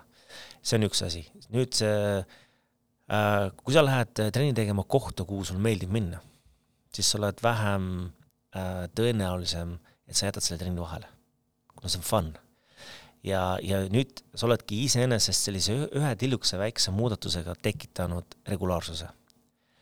see regulaarsus äh, hakkab sulle kohe tulemust andma. vot selles kohas ma tunnen ennast natukene paremini, tolles kohas mul läheb natukene paremini, kuule midagi juba nat-, natukene paistab teistmoodi. nüüd tekib hasart. ja nüüd sa hakkad kohe alateadvuses mõtlema, kuidas ma ennast aidata saan. nüüd tuleb söömine sinna juurde eks ole, et see, et see on selline suur selline pall, mis hakkab veerema mm -hmm. ja siis äh, ilma, et sa peaksid eriliselt vaeva nägema või siis äh, ennast sealt taga sundima, sa ise tahad seda teha. sa ise hakkad küsima kogu aeg, okei okay,, mis ma veel saan teha, mis ma veel saan teha. ja siis sa hakkad juba vaatama, et okei okay,, mitu sellist äh, toidukorda mul päevas on. okei okay,, mis mul seal toidukorras sees on. kui ma tahan kaalust juurde saada, kui palju ma sealt energiat saan eks ole, see kalorid kokku äkki ma peaks panema päevas mingisugune kolmsada, nelisada, viissada kalorit juurde, kuidas ma seda teha saaksin? Kas ma sinna peaksin äkki panema mingisuguseid ähm, äh, energiashake'i sinna juurde näiteks? kas ma võiksin kasutada näiteks energiakeeli ennem trenni? kui regulaarsed mu toidud on? kõik need asjad tulevad sinna juurde, aga nad tulevad just, vaata, kui seda niimoodi alt üles vaadata, siis on selline tunne, et noh, sa püha jumal, küll mm -hmm. on mhm. palju asju. aga sa vaatad hoopis äh, teisest seisukohast, vaatad selle läbi selle, et mul on fun. ma naudin seda, mis ma teen. ja ta hakkab sellest, et sa naudid seda trenni, mis sa teed. Eriti veel vaata, kui sa oled üksinda ka, siis sa kipud tegema ühtisi samu asju.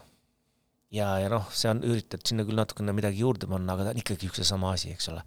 et äh, ta on rohkem, see läheb selliseks mehaaniliseks, see on nagu töö ma pean ta ära tegema, sest ma tean, et ta on minu jaoks hea. aga nüüd, kui keegi võtab sul käest kinni, viib su sinna saali, okei okay,, näe, proovi seda, proovi toda, proovi seda. ja vastavalt just sellele, milline sinu selline nagu ähm, ähm, selline noh, mis sulle nagu meeldib ja oskab selle nüüd seostada selle treeninguga, siis see asi töötab ja see asi töötab pikaajaliselt.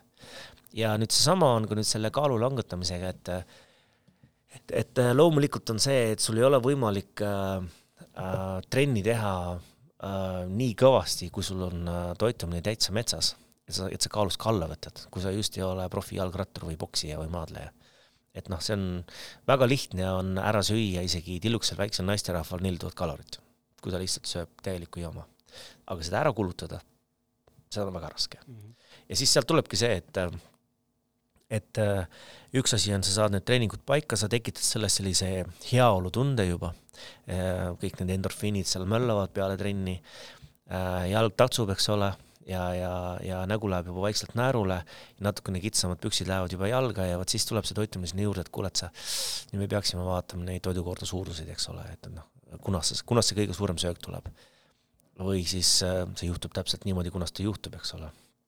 ja siis lõppkokkuvõttes sa ikkagi lähed sinna sellesama alguse juurde tagasi, et äh tihti öeldakse, et aga mul ei ole selleks aega. mul ei ole lihtsalt selleks aega ja, ja, ja siis tekibki see küsimus, et aga mis sinu jaoks oluline on um,?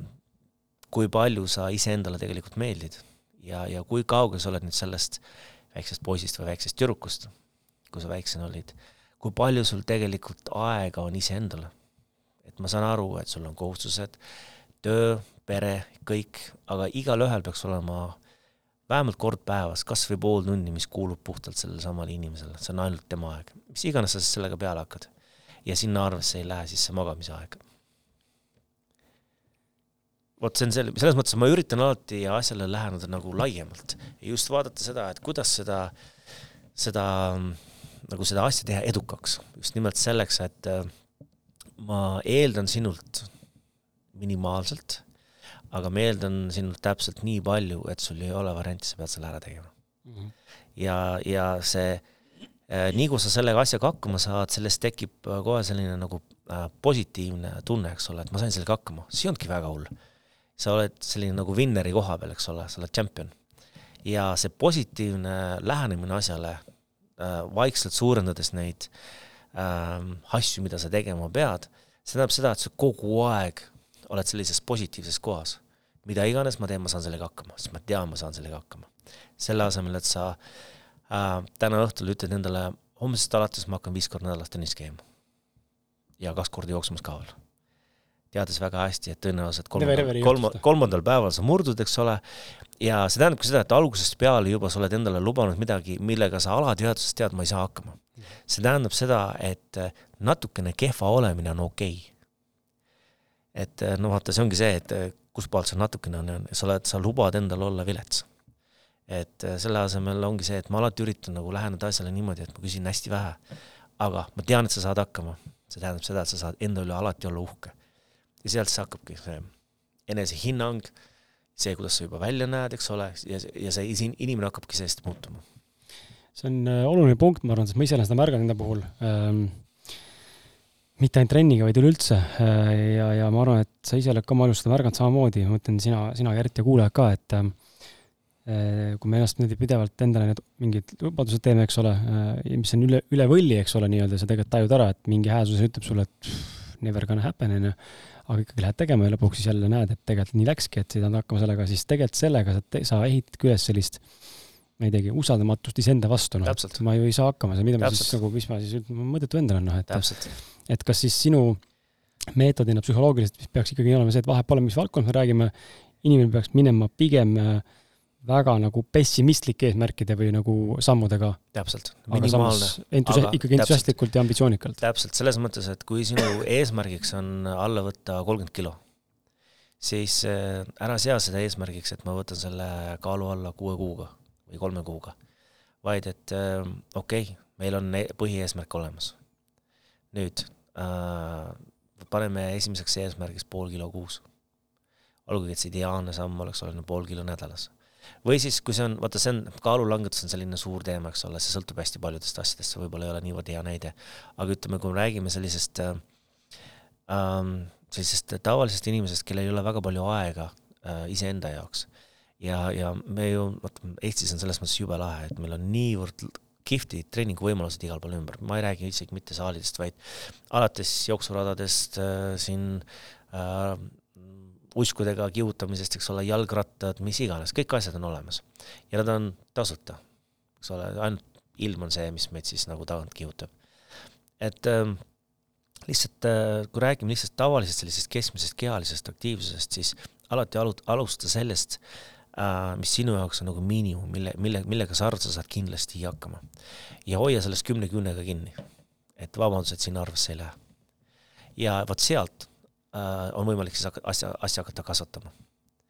et väga tihti on äh, noh äh,, need äh, inimesed saalis äh, noh, on naernud ja tulnud minu juurde ja ütlenud, et äh, tead, ma täna kohe üldse ei viitsi.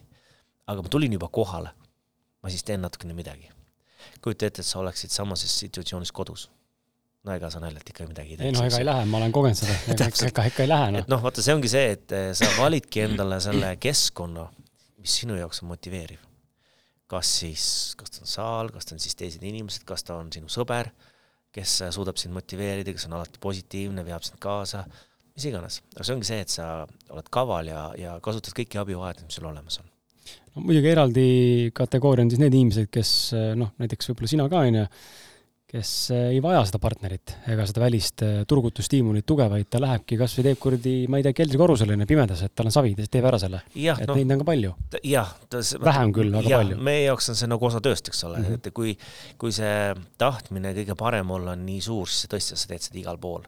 Aga isegi ka meil on see, et me oleme ikkagi, ikkagi tavalised inimesed, eks ole, meil tuleb ka see, et ühelt maalt meil on must, et no ei noh, milleks, milleks mul seda vaja on, no täitsa mõttetu, eks ole. ja, ja siis ongi see, et kui sa ümbritsed ennast inimestega, kes jagavad sama maailmavaadet ja oskavad sind äh,, sulle toeks olla või siis kas või nad äh, mõjuvad sulle motiveerivalt. et äh, vaat tema saab sellega hakkama, no kuidas mina hakkama ei saa, no lähme teeme veel. Või siis äh, oskavad sulle nõu anda. just see, et sa tekitad selle community enda ümber, kes no, on sulle toeks. mis iganes ta siis on, kas ta on siis äh, tead, nädalavahetuse jooksu, jooksuklubi või siis äh, seal tead äh, lepid seal kolme naabrimehega kokku, et vot sellel päeval me käime kõndimas või no mis iganes mm, -hmm. eks ole. aga see ongi, sa tekitad juba community, see on see, et, et äh, kuidas ma nüüd ei lähe, kui tead, Ants ja Mart väljas ootavad. No äkki ma viskan jope selga, lähen ka siis, eks mm. -hmm. et noh, kõik sellised asjad, need on sellised innustavad ja nad aitavad mind kaasa, see ongi see, et sa otsid sellised väiksed nipid, kuidas enda, enda, endale abiks olla kuidas on äh,, täna on siis sotsiaalse äh,, aga muidu siis avaliku äh, tähelepanuga, et ma nüüd äh, karjun kuskil välja, et no nii, ma nüüd äh, homsest alates järgmise kuradi aasta jooksul võtan kümme kilo lihasmassi juurde ja vaadake mu teekonda ja dokumenteerin. kas see on pigem, mida sa soovitad, et nii nagu valjuhäälselt räägivad, kas siis sõpradele või, või mitte või avalikult sotsiaalmeedias või pigem ei, et kas see on piisav motivaator? vaata, see sõltub nüüd jällegi inimesest, et ütleme, mina ütleks niimoodi, et üheksakümne üheksale protsendile see oleks õudusunenägu. aga seal on see üks protsent, kes tõeliselt lööb õitsele, et vot just sellises situatsioonis ta hakkab tööle, kuna see on selline äärmus, äärmusseisund, eks ole. aga mm, vaata, kuna mina alati nagu vaatan äh, äh, seda seda inimest läbi selle, et kas ta on õnnelik. sest kui sa oled õnnelik, siis need muutused, mis sa oled teinud, need jäävad. et eh, sellisel juhul, kui keegi niimoodi niisugust asja välja hõikab, siis eelkõige ta teeb seda sellepärast, et et seal on kas fame taga või siis seal on tähelepanu taga, et kõik need on sellised asjad, mis ei ole pikaajalised, eks ole. Eh, see on nagu narkootikum see tähendab seda, et noh, ta tegelikult kasvatab en-, ka-, kaevab iseendale auku. et varem või hiljem seal on mingisugune kõva crash, eriti veel, kui sa sead endale sellise suure eesmärgi, mille nimel sa pead hästi kõvasti, hästi ruttu, hästi palju tööd tegema. et noh, ta ei ole midagi sellist, mida sa naudiksid, kui sa seda ei naudi, siis äh, mida, mida kaugemale sa sellest äh, mugavustsoonist sa lähed, seda rohkem aega pärast läheb vaja, et sa uuesti ennast normaalsena tunneksid et äh, ta on sellise hästi kõva nagu tagasilöögiga. aga on sellised inimesed, kellele see töötab ja noh, mis iganes, eks ole.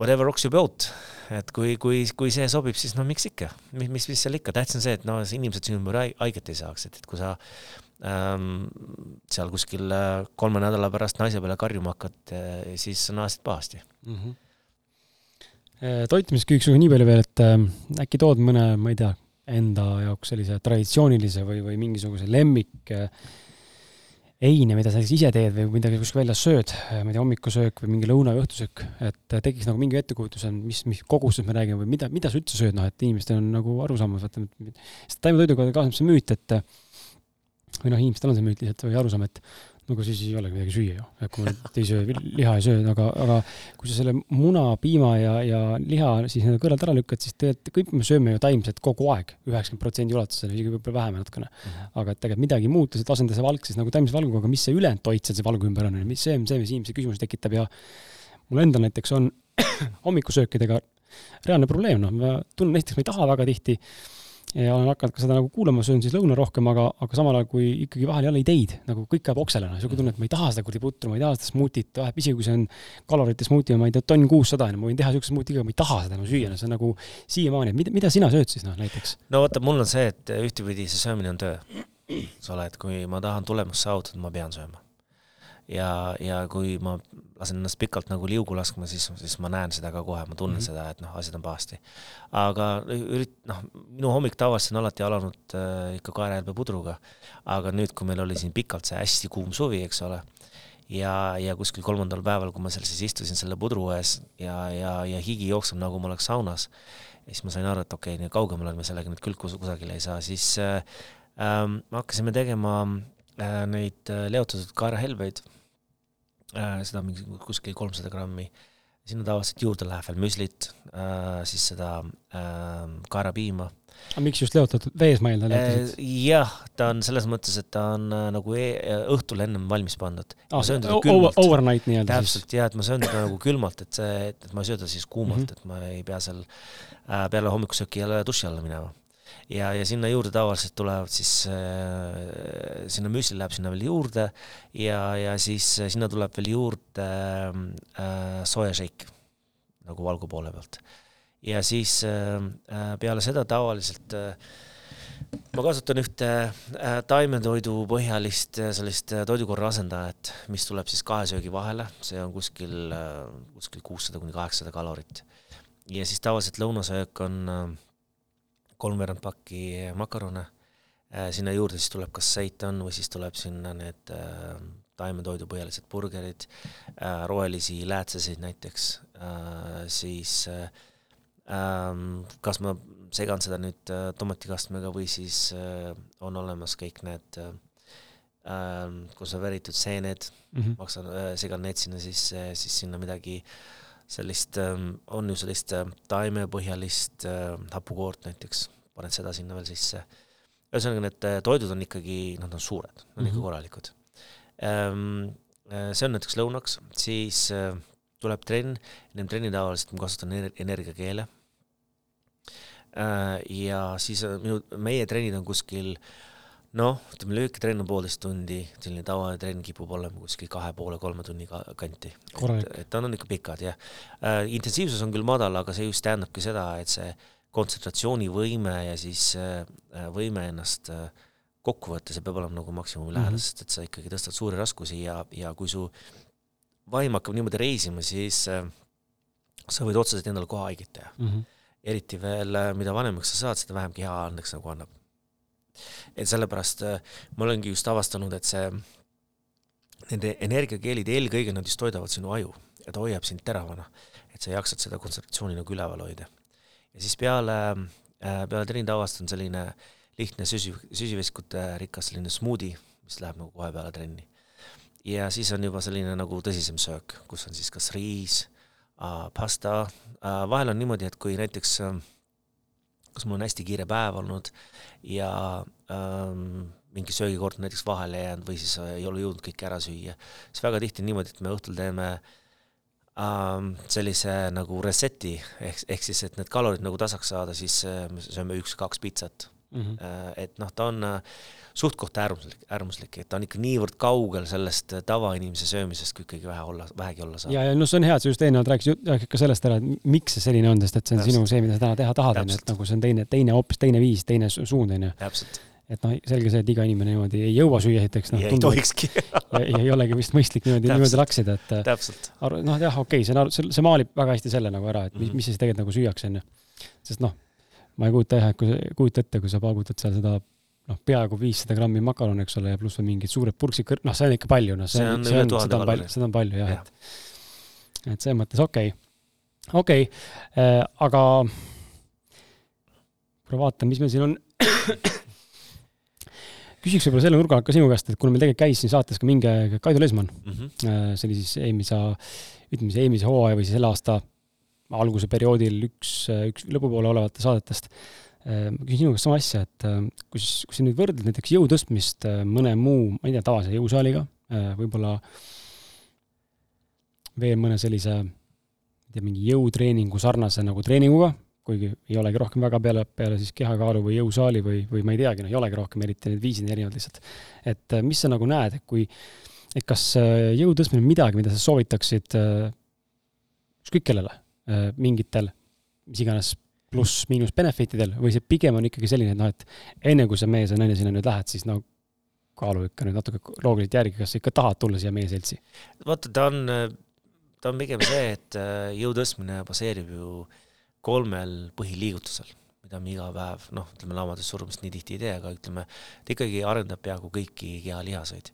Ja, ja see tavaline inimene, kes ikkagi jõusaali läheb, vähem või rohkem sa ikkagi kasutad neid samu harjutusi. et äh, see jõutõstmine on hästi universaalne, et ta sobib väga hästi selliseks ähm, nagu alguspunktist, et sa õpetad endale selgeks selle tehnika. see tähendab seda, et äh, kui me räägime just just algajast, äh, see tähendab seda, et et järgmised nelikümmend kuni viiskümmend aastat äh, sa oled kaitstud. Sa oled kaitstud halva tehnika eest, sa tead, kuidas asju õieti tõsta, sa isegi tead seda, kuidas äh, kotte autosse tõsta õige tehnikaga endale haiget tegemata. et ta loob hästi ilusa sellise põhja äh, ka erinevate spordialadega tegelemise, tegelemiseks. ja, ja eks see osaliselt ju see nii kulturism kui jõutõstmine, nad töötavad käsikäes no hästi palju on ju väga tugevat kulturisti, kes on nii jõutõstjad kui ka vastupidi. ja, ja seal sellist nagu lahterdamist kui sellist äh, ma isegi väga ei kasutakski, ma olen, mis mulle nagu jõutõstmise juures hästi meeldib, on see, et ta propageerib sellist äh, tervet äh, äh, kehastandardit. see tähendab seda, et su keha peab olema ühtlaselt arenenud ähm,, ta ei äh,, ta ei nõua sult seda, et sa pead olema piitspeenikene ta ei nõua sult seda, et sul peab äh, musklid äh, otsa eest välja kasvama, eks ole, et ta, ta annab sulle hästi palju asju andeks, näiteks sina võiksid jõutõstmist teha sama hästi, kui mina teen. eks ole, et ta on selles mõttes universaalne, et ta arvestab seda, äh, mis kehakaalus sa oled, ta arvestab sinu vanust, ta paneb kõik need asjad nagu paika ja, ja ta on väga kergesti mõõdetav, ta on must ja valge. Ähm, ja need on need asjad, mis mind nagu jõutõstmise juures hästi palju paelusid, just see, et ähm, kui ma omal ajal kergejõustikku tegin, siis eh, no ma isegi mitte häbi tundmata pean ütlema, et ma olin ikkagi äh, niivõrd vilets selles asjas, võrreldes veel teiste säravate vendadega seal, et äh, mul oli kohe täitsa kohe häbi olla. ja, ja eriti kui sa seal teiste ees seal ütleme noh, kas sa siis jooksed, eks ole, no ikka käed värisevad on ju, selline tunne on kohe, et noh, no midagi, ma ikkagi keeran sind tuksi aga vaata, selle jõutõstmise juures mulle just meeldis see, et sa harjutad täpselt neid samu asju, mida sa seal tegema lähed et ähm, kui sul see soojendusasi juba peale hakkab, siis tekib juba selline tunne, et tead, see on nagu saalis, eks ole. ma tean seda, see on minu asi, ma, ma olen siin kodus. ja see närv kaob ära ja sa tunned ennast hästi. aga no ütleme isegi, me ei räägi siin võistlustajat, vaid ütleme, räägi siis tavaharrastajast, siis äh, igaüks peaks teadma, kuidas äh, kükki teha äh,, jõutõmme, eks ole, kuidas raskust maast üles tõsta milline võiks olla selline hea lammadussurumise tehnika, sest see on kõik see ülakehaliased, mis sinna juurde lähevad. ja, ja kas me siis edasi läheme kas mägironimisse või boksi või, või, või aerutamisse või siis äh, niisama teeme seda fun'i pärast. siis need kõik loovad aluse selleks, et need äh, kehalised võimed areneksid sealt ilusasti edasi. et ähm, jah, soovitan, aga muidugi seal peab vaatama ka seda, et, et need liigesed oleksid siis äh, sellises seisukorras, nad kannatavad seda liikumist, meil ei oleks selliseid tõsiseid probleeme ja, ja alguses võiks alati kellegagi nõu pidada. et noh, vaata, saalid on meil ju selliseid toredaid spetsialiste täis, kes hea meelega tulevad appi, paljud saalid ju pakuvad seda lausa tasuta, et -hmm. tulge äh, ja, ja miks mitte anda endale selline võimalus, et avastada midagi sellist, mida võib-olla ennem teinud ei ole, mine tea, äkki mulle meeldibki. ja just äh, eriti just see, et vaata, peale trenni tekivad kõik need, need hea tuju hormoonid, eks ole, sul on pärast niivõrd selline tunne, et, et ma olen midagi ära võitnud mm. -hmm. ja, ja, ja eriti veel, kui sa saad seda teha sellises keskkonnas, kus kohas sa nagu otseselt ei tunnegi, et ma väga kõvasti tead, pean ennast taga ajama, et see ise, iseenesest toimub nagu sellises fun keskkonnas, siis äh, kõik on võitnud.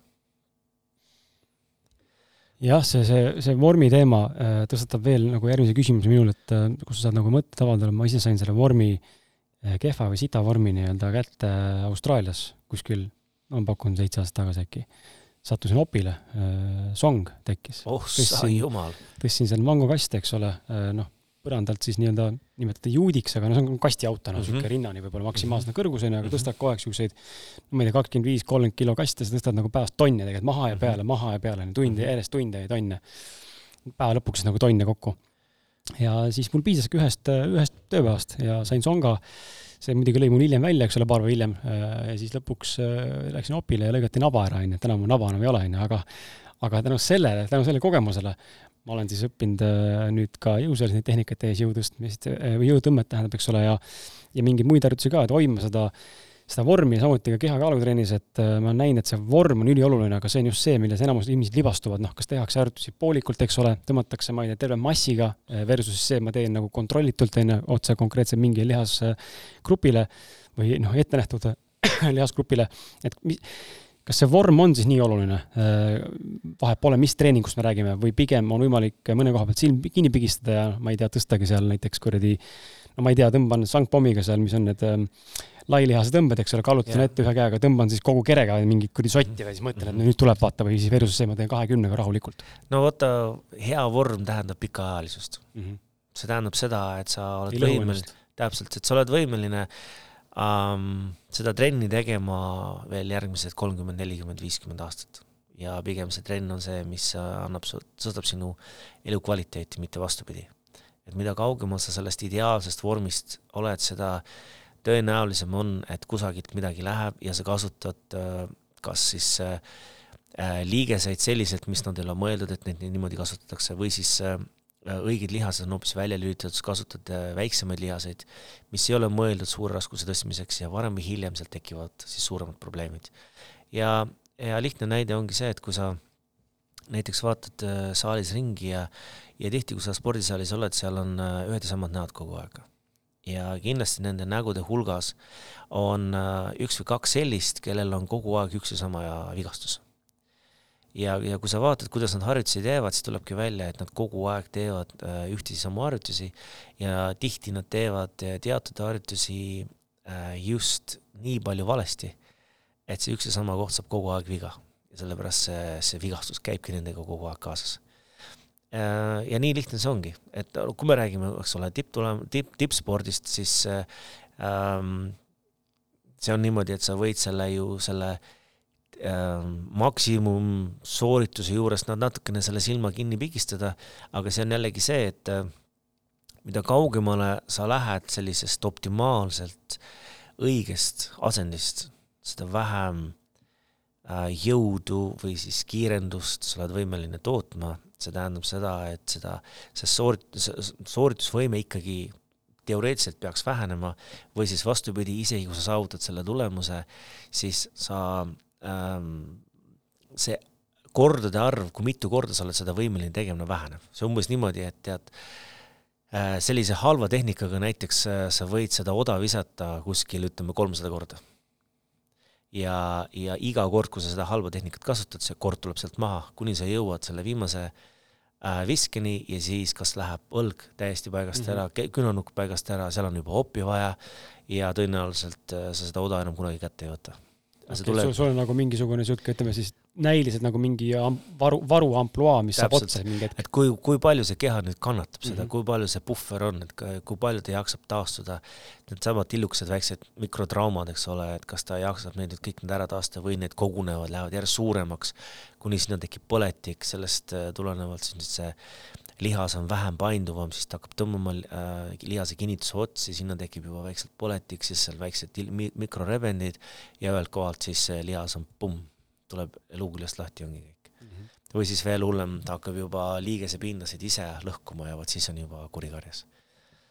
no ja, ja nii palju, ma aru olen saanud, siis ka seda valet tehnikat või valet vormi pärast tagantjärgi parandada on tohutu pain in the ass. lihtsam on kohe teha õigesti. lihtsam on kohe teha õigesti, sellepärast et siis sa ei tea, mis see vale asi on mm. -hmm. ja, ja noh, muidugi tehnikat on võimalik parandada ja teda on võimalik muuta, aga see tähendab seda, et esiteks sul on kannatust, sul on äh, tähelepanuvõimet äh,, sa suudad iseennast analüüsida ja mis on kõige raskem äh,, just see, et sa unustad oma ego ära mm. -hmm. sest et no hästi tihti just jõusaalis on see, et see on ju, kui palju sul kangi peal on eks ole, onju.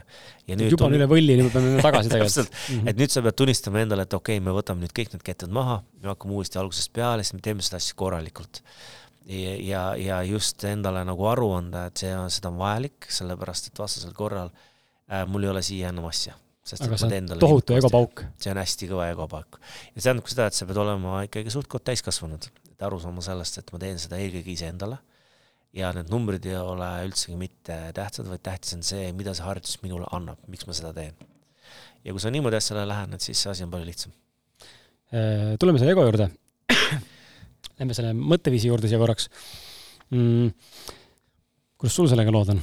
Äh, miks ma seda küsin just, on seepärast, et sa oled tulnud äh, väga rohkelapselisest perest. vennad-õed on sul suhteliselt sarnases vanuses, eks ole? Pigem nagu yeah. väikeste vahedega, kõik on, paljud neist täna on tegelikult selles mõttes nagu ütleme, tippspordi juures veel uh,? minu väike vend uh, teeb minuga koos jõutõstmist, ta on kindlasti uh, Eesti tasemel kõva tegija, käisime temaga koos ka nüüd rahvusvahelistel võistlustel, tema tuli Euroopas uh, neljandaks, et mm. ikkagi no rahvusvahelisel tasemel uh,. aga teised jah, praeguseks on juba niimoodi nagu harrastuse tasemel mm, -hmm. et, et noh, tippspordis enam ei ole aga jah, kui niimoodi nagu läbi ajaloo vaadata, siis jah, kergejõustikus on ikkagi äh, kolm venda on päris kõvad tegijad olnud. kas üks tegeles kulturismiga ka või? täpselt. ja noh, tema on üldse selline kõige andekam, ta on nii kulturismis olnud siin Euroopa meister, maailmameister ja ta on ka vähemalt kolme-nelja erineva alaga olnud Eesti kergejõustiku edetabelis. okay. ja kõva korvpallur ja. okei okay,, no aga sealt tekib see küsimus on ju, et kas äh, tippspordiga tegelemine vajab sellist äh, teatud tasandil ego baasi, ego käivitamist või käivitumist äh, või pigem on see, et sa, sa tundub väga humble, eesti keeles humble, mis see on niisugune alandlik, see kõlab väga naljakalt, aga äh, vaid humble just nagu selles mõttes, et nagu hästi sõbralik, hästi nagu chill, eks ole, ma olen nagu kõigiga tolerantne, kõik on okei okay,, ma ei ole üleolev kuidagi. et, et noh, kuidagi tavalised tippsportlased või sellised äh, ütleme, mingid väga, väga nagu raske spordiala tegijad on ikkagi sellised noh, konkreetsed siuksed, et kuradi, ma lähen läbi seina vaata tükkideks, noh, et enne ei tule, kui veri on taga. et sinusid tundusid olevat, ma ei ole muidugi siin võistlemas näinud, onju, et võib-olla seal selle välja tuleb mingisugune suur koll, onju, et kuidas see on nagu mõjunud, et kui sul on peres nii palju inimesi, kes on, või liikmed, kes on olnud sportlased, kas see on sind kuidagi nagu tekitanud seda niisugust egolist võitlust äh, iseenda võistlust teiste kaaslastega või selle maailmaga või spordiala üldse sees ja üleüldse natuke räägi seda tausta ka, kuidas see mõjutanud sind? ma arvan, et kõigepealt see, et meid on nii palju, siis esimene asi, mis sa õpid, sa õpid teistega arvestama mm. -hmm. ja, ja minu jaoks see on nagu hästi armas, et sa ja, ja, ja ma olen nagu üles kasvanud äh, sellega, et minu jaoks on oluline, et ma saan asju jagada. sööki, reise, mis iganes, et noh, seda asju üksinda tehes on selline nagu kuidagi imelik või selles mõttes, et no ma tunnen ennast pahasti, sellepärast mhm. et äh, see, see fun on just see, et kuule, vaata, kui lahe see on või et, või et äh, lähme motikaga sõitma, et noh, et äh, see on see, et sa jagad seda, see on, see on, see tulebki nagu sellest suurest perest. aga seal selle all on muidugi ka see, et äh, ma olen ümbritsetud olnud ikkagi hästi andekatest äh, selliste jõmmide poolest ja, ja ma olen alati alt üles vaadanud, kuna ma olen üks peaaegu kõige noorematest, et ma tahaks äh, kunagi olla sama tugev, nagu nemad on see on nagu selline sala, selline soov mul kogu aeg olnud ja, ja ma mäletan ikkagi, kui poisid läksid eh, jõusaali, siis äh, ema arvas, et ma alguses, et ma olen liiga väike, aga siis ta vaatas mulle otsa, et mine kassis jõudu tegema ja mine nendega koos. ja see, see on nagu kogu aeg nagu mul sees olnud. ja, ja ta ongi selline, eks võib-olla äh, kui ma praegu niimoodi tagasi vaatan, eks see ole ka põhjus, miks me näiteks äh, mu väikse vennaga koos äh, seda jõutõstmist teeme, sest et ta meie jaoks on ikkagi midagi sellist, mida me teeme koos. Äh, me helistame teineteisele, räägime, kuule, kuidas sa seda teed ja kuidas sa toda teed ja ja ikkagi esimesed sellised suuremad Eesti võistlused olid niimoodi, et meil oli terve pere koos taga ähm, kaks venda võistlemas, kaks-kolm venda abis seal, et meil oli kogu tiim ikkagi seal niimoodi tegemas, see oligi see, mis tõi kogu pere kokku ja see oli hästi selline armas asi mm. -hmm. ja, ja ma arvan, et minu jaoks nagu see kõige alus ongi see, et ma teen seda kõike iseenda jaoks, ma tahan olla homme parem, kui ma olin täna ja see ongi see, mis nagu viib mind edasi, et kui ma lähen äh, võistlema, siis ma üritan alati olla parem, kui ma olin eelmine kord, et ma võistlen eelkõige iseenda vastu. Ja, ja mulle meeldib äh, võistelda äh, võib-olla lähtudes nendest vanadest spordi sellisest nagu mentaliteedist, et, sport peab olema aus. noh, et võib-olla, võib-olla sellepärast ma selle jõu, jõudlusmise nagu valisin, et ta on must ja valge. et kas sa tegid selle tõste ära, seal on reeglid, kas sa tegid selle reeglipäraselt või ei teinud siin ei ole mitte midagi vaielda mm. -hmm. ja ähm, kui tollel päeval äh, keegi teine on minust parem, siis ta on seda võitu väärt, sest et äh, ma olen pannud sada protsenti ennast äh, sellesse võistlusesse sisse ja, ja, ja võib-olla selle spordiala juures mulle meeldib ka see, et sul on võimalik, noh, me valmistume üheks võistluseks kuskil kuus kuud mm. -hmm ja, ja seal on äh, hästi palju selliseid vaim-, valikuid, kus näiteks äh, väljas on imeilus ilm, eks ole, tahaks minna randa või puhata või mida iganes, aga sa tead, et sul on äh, äh tõsine kükitrenn ees. Selle asemel sa oled kolm tundi äh, saalis. kangi all. kangi all ja mitte ainult seda, vaid sa oled seda kangitrenni viis päeva ennem seda juba kartnud mm. ja iga kord enne magamaminekut sa mõtled sellele, okei okay,, ma pean nüüd sellega hakkama saama, ma saan sellega hakkama, ma jõuan selle ära teha. ja see ongi see, kuidas see, tegelikult see nädal välja näeb. ja, ja kui sa sinna trenni lähed, siis äh, ikka natukene jalg väriseb alguses ja, ja vaimusilmas sa ikkagi lähed äh, karuga võitlema, et ta ei ole midagi selline nagu pehme ja ja, ja sa pead endast ikkagi kõik andma ja, ja väga tihti äh, paljude asjadega on ka see, et on hästi palju selline vaimne võitlus. sa ei tohi raskust karta, sa pead olema üle sellest. ja just äh, näiteks algajate äh, selliste äh, ähm, sportlaste puhul ongi just seda näha, et neil on selline hästi kõva aukartus uue raskuse ees, nad kardavad seda. et see ongi see, mille, mida sa pead õpetama iseendale, sisendama, et ma ei karda seda, ma saan sellest jagu. Olema suurem kui sinu hirm, sest et nii kui see hirm sisse tuleb, siis sa alateadvuses hakkad juba kompenseerima, et mm -hmm. äkki siin on mingisugune salanipp, kuidas ma saaks rohkem jõudu juurde. ja siis äh, vaatad kõrvalt äh, video pealt näiteks, kuidas seda tõstet teed ja mõtled, no püha jumal, mis nüüd siin juhtus.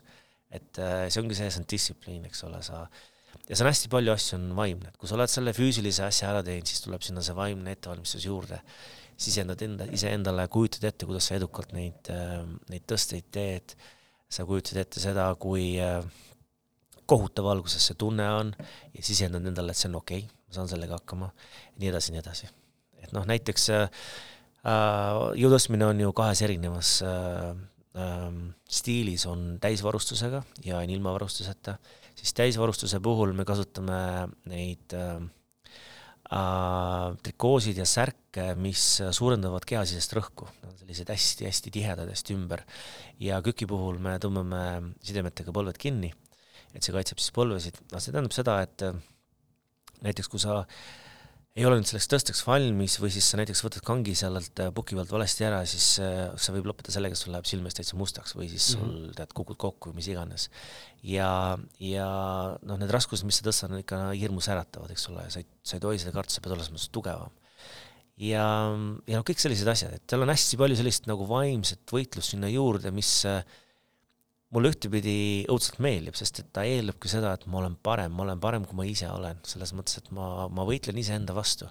ma lähen äh, sellise vastase vastu iseendas, keda ma olen kogu aeg kartnud või kelle ma olen kogu aeg hallanud ja seekord ma saan tast jagu, ma teen selle asja ära äh,. vot see on see, see on see põhimõte mm, -hmm. äh, kus, kust ta tuleb. ja sellepärast ka äh, Äh, minu tööst tulenevalt ongi see, et ma olen harjunud inimesi vaatama nende inimeste enda vaatekohast, et mitte see, et kuuled, sa tead, mina teen seda ja seda ja seda, pigem vastupidi, et mulle meeldib vaadata seda maailma läbi sinu silmade ja näha seda, et okei okay,, see on sinu jaoks esimest korda midagi sellist teha. Ja kui ma ei tea, tõmmata lõuga näiteks kümme korda.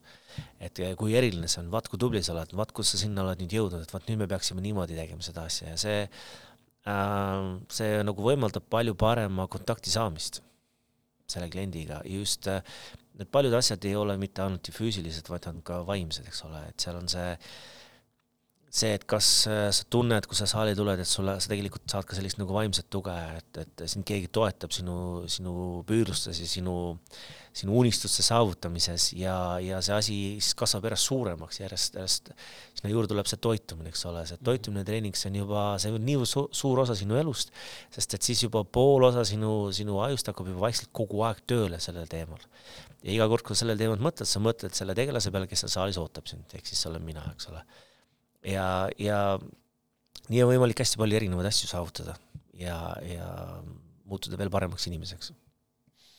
rääkides toidust, kas sinu käest on võimalik inimestel, kui meid täna siin inimesed kuulavad ja kuulavad ja tunnevad, et okei okay,, et päris äh, normaalset juttu jääb vend, vaata, et äh, ja veel taimetoitne ka, et äh, ma ei tea, kas, kas nad saavad toitumiskava tellida sinult või, või kuidas see siis välja näeb protsessil? me oleme niimoodi, et me alles, me praegu ehitame minu veebilehte, kus tegelikult selline asi on täitsa olemas, et sul on võimalik tellida seda äh, seda toitumiskava, aga niikaua, kui kaua see asi nüüd üleval ei ole, ma ikkagi üritan seda asja hoida hästi personaalsena ehk siis see tähendab seda, et ma, mulle meeldiks selle inimesega eelnevalt ikkagi kokku saada ja just äh, käia see taust läbi. sest et äh, lihtsalt niisama äh, raha sisse cash ida ja midagi sellist äh, keskmist välja visata, see ei ole nagu minu põhimõtete järgi, et et mulle meeldiks anda midagi sellist, äh, mis tegelikult töötab ka, aga selleks ma peaksin alusesse võtma seda, et äh, millised need probleemid on, miks me siia kohta üldse jõudnud oleme mis see selle tinginud on ja kuidas me siit nüüd minema hakkame, et see asi ka edukas oleks. sest et äh, selliseid crash dieeti, eks ole, neid on, neid leiab igalt poolt. aga see on ka põhjus, miks need crash dieedid on, sellepärast nad ei tööta pikaajaliselt.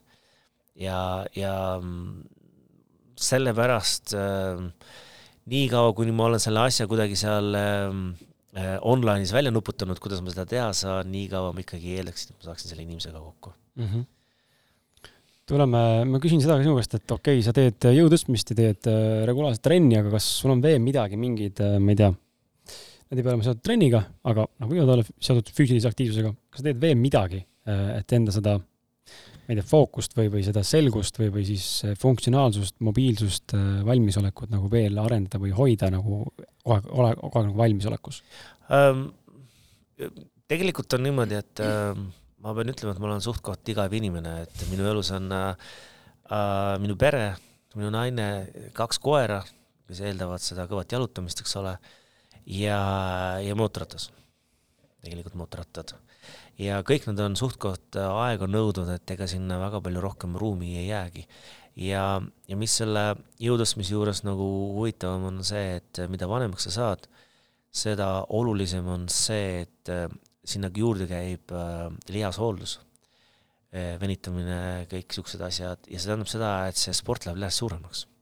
ta eeldab seda, et su liigesed kõik töötavad, et äh, tegelikult see sport, noh, ta on, ta nõuab hästi palju ähm,. ja pigem vabal ajal ongi see, et ma üritan sellest asjast niivõrd kõvasti välja lülitada kui võimalik, sest et minu töö on ju seesama sarnane asi äh, ja aastaid ma isegi ei ole telekas sporti vaadanud, sest et ta tundub minu jaoks liiga palju üks ja sama kogu aeg, et ma eeldaksin noh, midagi rohkem, midagi rohkem nagu vaimsemat või midagi sellist äh,. nüüd viimasel ajal ma olen avastanud, et ma olen hakanud natuke rohkem ka sporti vaatama, eks ma siis vanusega muutun leebemaks tõenäoliselt, aga midagi sellist. kompenseerid? täpselt, või võib-olla midagi sellist, jah, täpselt. Äh, puudutas korra ka sellist asja, et äh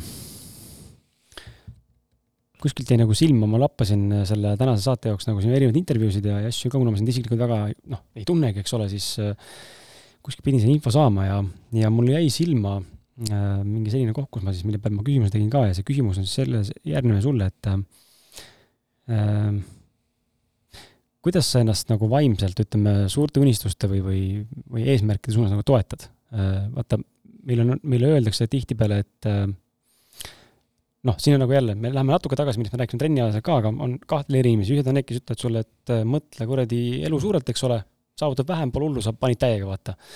teine ütleb sulle see, võta tagasihoidlikult, saavutad rohkem, siis on nagu success, et mm -hmm. kuidas sina näed nagu, et seda suuret mõtlemist ja, ja unistuste poole püüdlemist tuleks implementeerida ja kuidas, kuidas see kõige efektiivsem oleks niimoodi, et me ei lõhu ennast seejuures?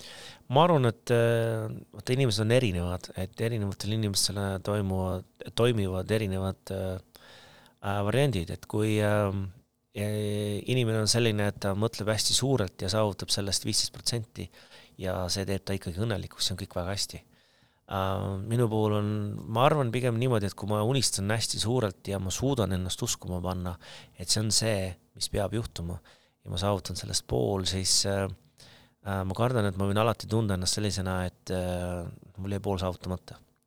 et pigem äh, ma arvan, et äh, äh kuna ma olen sellises eas ka, siis äh,, siis need äh, nagu see väärtushinnangud on läinud äh, niimoodi, niimoodi paika, et mis minu jaoks on kõige tähtsam, on see, et mul on äh, kodu, kuhu ma tahan minna ja mul on kaaslane minu elus, kellega ma tahan seda elu koos veeta. et need on kõige tähtsamad asjad. ja kui need asjad on paigas, siis sa võid elada ükstapuha kus kohas, sa võid teha ükstapuha missugust tööd. Äh, see nagu see õnne nagu alus on olemas, mul on inimene, kellega koos ma saan jagada äh, mida iganes, nii head kui halba, me oleme teineteisele toeks ja see teeb elu ilusaks, sest et noh, see elu ongi selline, et meil on seal raskeid aegu, on seal kergeid aegu ja see on, see on nagu minu jaoks kõige alus. ja sinna juurde nüüd on, kõik see muu on boonus. Äh, kas ma unistan olla maailmameister? jaa, loomulikult, väga kaua tahaks. ja, ja mul on õnneks, äh, Kaido on ju, Kaido Leesmann on meie tiimi pealik ja, ja ma näen, et tema on väga kõvat usku täis, et äh, ma olen ka seda võimeline saavutama ja ta on kõvasti toeks ja ja kogu meie tiim on selline, et nad väga, väga noh, aitavad teineteist. Samas jällegi äh, noh, ma ei ohv-, ma ei ohverdaks seda äh, veel tähtsamate asjade nimel, just nimelt näiteks kodurahu ja mm, -hmm. ja midagi sellist, eks ole, et see ongi ikkagi see, mis mehest teeb mehe, et see, et sul on, sa oled õnnelik ja inimesed sinu ümber, need, kes on sinu jaoks kõige tähtsamad, sa suudad neid õnnelikuna hoida, et see on nagu kõige tähtsam, sest et äh, see ähm, see sport on ikkagi see, mida ma teen osaliselt iseenda jaoks just äh, ähm, nagu iseenda heaoluks just nimelt sellest, et see annab sellele elule vürtsi. ja, ja kuna minu töö on, ma olen personaaltreener, siis äh, ähm, kui mul ei oleks endal sellist äh, hasarti ja, ja õhinat selle äh, spordi tegemise suunas, siis mul on alati selline tunne, et äh, mul ei ole sulle mitte midagi anda. et kui ma ise seda sporti ei armasta, siis äh, see on nagu, ma ei tea, sa ei saa, ma ei, ma ei saa sulle müüa midagi sellesse, midagi sellist, mida, millesse ma ei usu mm. -hmm. kui ma ikkagi tõeliselt usun sellesse, et see, mis ma teen, on õige ja see aitab sind, siis mul on hästi lihtne sulle, sulle abiks tulla. ja võib-olla noh, sellised asjad um,. et äh, ma arvan, et ka, et see, et need eesmärgid ja kõik nad on sellised äh, ühtepidi nad muutuvad, eks ole, vahel on see, et, et sa pead unistama suurelt, sa pead, aga sa pead ka suutma olema õnnelik väikeste saavutuste üle, et ongi see, et, et väga hea on, kui sul on suur, suur eesmärk sees ja sul on sellised vaheetapid, mida sa siis nagu taga ajad. ja just rääkides sellest, kuidas näiteks sinust endast, eks ole, et sa oled jõudnud siiamaani, kus kohas sa tunned, et et elus peaks midagi nüüd muutuma, midagi peaks nagu teistsugust ette tulema, Äh, mina seostasin seda automaatselt kohe iseendaga, vaatame näiteks poolteist aastat tagasi, eks ole, ma olen seda tööd teinud äh, eelkõige just nimelt selliselt, mul on käed küljes. eks ole, ma, me oleme reaalselt koos, ma näitan sulle ette või siis seletan, kuidas asi käib. meil on selline otsene suhe. nüüd järsku me oleme sellises situatsioonis, kus kõik toimub online'is mm. -hmm. ja usu või mitte, vanad karud õpetatakse ka uusi tantse äh, tegema, eks ole ja, ja samamoodi õpid selle uue asja ära, alguses on natukene imelik, aga no mis meil muud üle jääb, eks ole, elu läheb edasi ja elu muutub ja ta jääbki teistsuguseks. ja sinna juurde tekivadki täiesti uued asjad ja me olemegi jõudma sinnamaani, kus kohas äh, see vanas stiilis personal training jääb äh,, aga see asi hakkab ka muutuma, sinna tuleb hästi palju uusi asju juurde ja, ja ma olen samas kohas kui, nagu sinagi, et, et ma olen jõudnud äh, kohta, kus kohas ma tunnen, et mul on, ma pean ennast uuesti leiutama. et siin on midagi uut nüüd juures äh,. ja ma tunnen, et mul on hästi palju tegelikult, mida mul on anda. just läbi selle peaaegu kahe, kahekümne viie aastase kogemuse, eks ole. Nii treeneritele kui ka inimestele, harrastajatele, kuidas on võimalik seda eesmärku paremini saavutada. ja, ja kuna ähm, ma olen olnud ka sellises kohas, kus äh, äh, ma tundsin siin Eestis viisteist aastat tagasi, et okei okay,, ma olen nüüd mäe otsas ja nüüd tahaks veel suuremat mäge äh,, kuhu otsa ronida ja see oli üks peamiseks põhjuseks, miks ma Inglismaale ära läksin. ja, ja nüüd äh, seda teed nüüd tagasi tulles siia, sa tõesti avastad seda, kui, kui tegelikult ähm, huvitav Eesti on ja, ja kui erilised need Eesti inimesed on. Ja kui palju siin Eestis ka on võimalik ära teha, et noh, igal pool on omad plussid ja miinused ja, ja kui sa oled korraks ära olnud äh,, siis oskad seda hinnata ja olla ka rahus ja õnnelik sellega äh,, mis sul hetkel olemas on. see loob, loob ka perspektiivi, kui sa midagi justkui nagu käest ära paned äh, mingiks mis iganes teadmata ajaks või lühikeseks ajaks. täpselt, täpselt, täpselt ja, ja minu jaoks nagu, noh, oluline ongi see, et et sina kui, kui, kui inimene, kui individuaal, sa alati äh, januned millegi uue järgi, et sul on äh, mingisugune eesmärk, sul on äh, äh, nagu mõte kogu aeg käiv, et, et okei okay,, kuidas siit edasi, mis nüüd on järgmine, et, et kuidas seda paremini teha või et et ühesõnaga, see on see, mis seda inimest kogu aeg rikastab, see tähendab seda, et sa õpid kogu aeg juurde, sa teed oma asja järjest paremini. ja, ja see on, see on see, mis teeb, see on, see ongi selle edu, edukuse saladus sinu äh, üks eripära on toitumine. ma ei tea täna ühtegi, ma ei, ma ei, mina ei tea ühtegi personaaltreenerit, kes oleks täna taimetoidu peal põhimõtteliselt. jah, noh, selles mõttes äh, ma tunnen ise, ma tunnen iseenda üle uhkust, et ma teen tegelikult spordiala, mis äh, mis eeldab noh, sellisest hästi traditsioonilist lähenemist, lähenemist, eks ole. ja mul on hästi hea meel selle üle, et ma olen selles ka edukas. ja äh, huvitav ongi see, et just äh, kuna mina olen nüüd veteranide klassis, siis selles eas hakkavadki kõik need äh, vigastuse asjad rolli mängima ja kui sa oskad nendega toime tulla, neid ravida, äh, oma taastumist hoida kiirena, vot siis tõesti see, seda piiri ei ole, see piir on täpselt sinu enda pühendumuse piiri peal. et see on nagu, teeb selle asja huvitavamaks ja, ja no me kõik teame seda, et see maailma tulevik äh, sõltub hästi palju sellest, mis me nüüd ise äh, tegema hakkame kui inimesed ja, ja, ja milliseid otsuseid me tegema hakkame. Äh, see sõltub kõik nüüd meist endist ja ütleme, eestlane on selline tõsine grillirahvas ja, ja eks siin ole hästi palju huvitavat ka ütleme, taimetoidualaseid toite avastada mis on ääretult maitsvad ja, ja kasulikud ja, ja, ja mida kõik võiks proovida. et äh, mina just rõhun selle peale, et see, noh, seda asja võib teha läbi selle, et kõik saavad omavahel läbi. ja meil on üks eesmärk, meil oleks midagi edasi anda laste, laste, laste, lastele. Et see oleks nagu see eesmärk mm. -hmm. väga äge, kuule. Äh, tund nelikümmend üks tiksus täis. Äh, tõmban otsad kokku selle episoodiga, ma lasen sul ennast reklaamida, kus sind leida võib, äh, kui inimene tahab sinu kohta rohkem lugeda, siin sulle trenni tulla, sulle kirjutada, joonistada ja, ja kas on midagi, mida sa tegelikult tahaksid veel lõpus ja mainida, mis jäi mainimata? Äh, mind leiab Golden Clubis ja aeg-ajalt ka Revaspordis. olen kahes klubis täitsa olemas, äh, leiab mind sealt nende kodulehtedelt.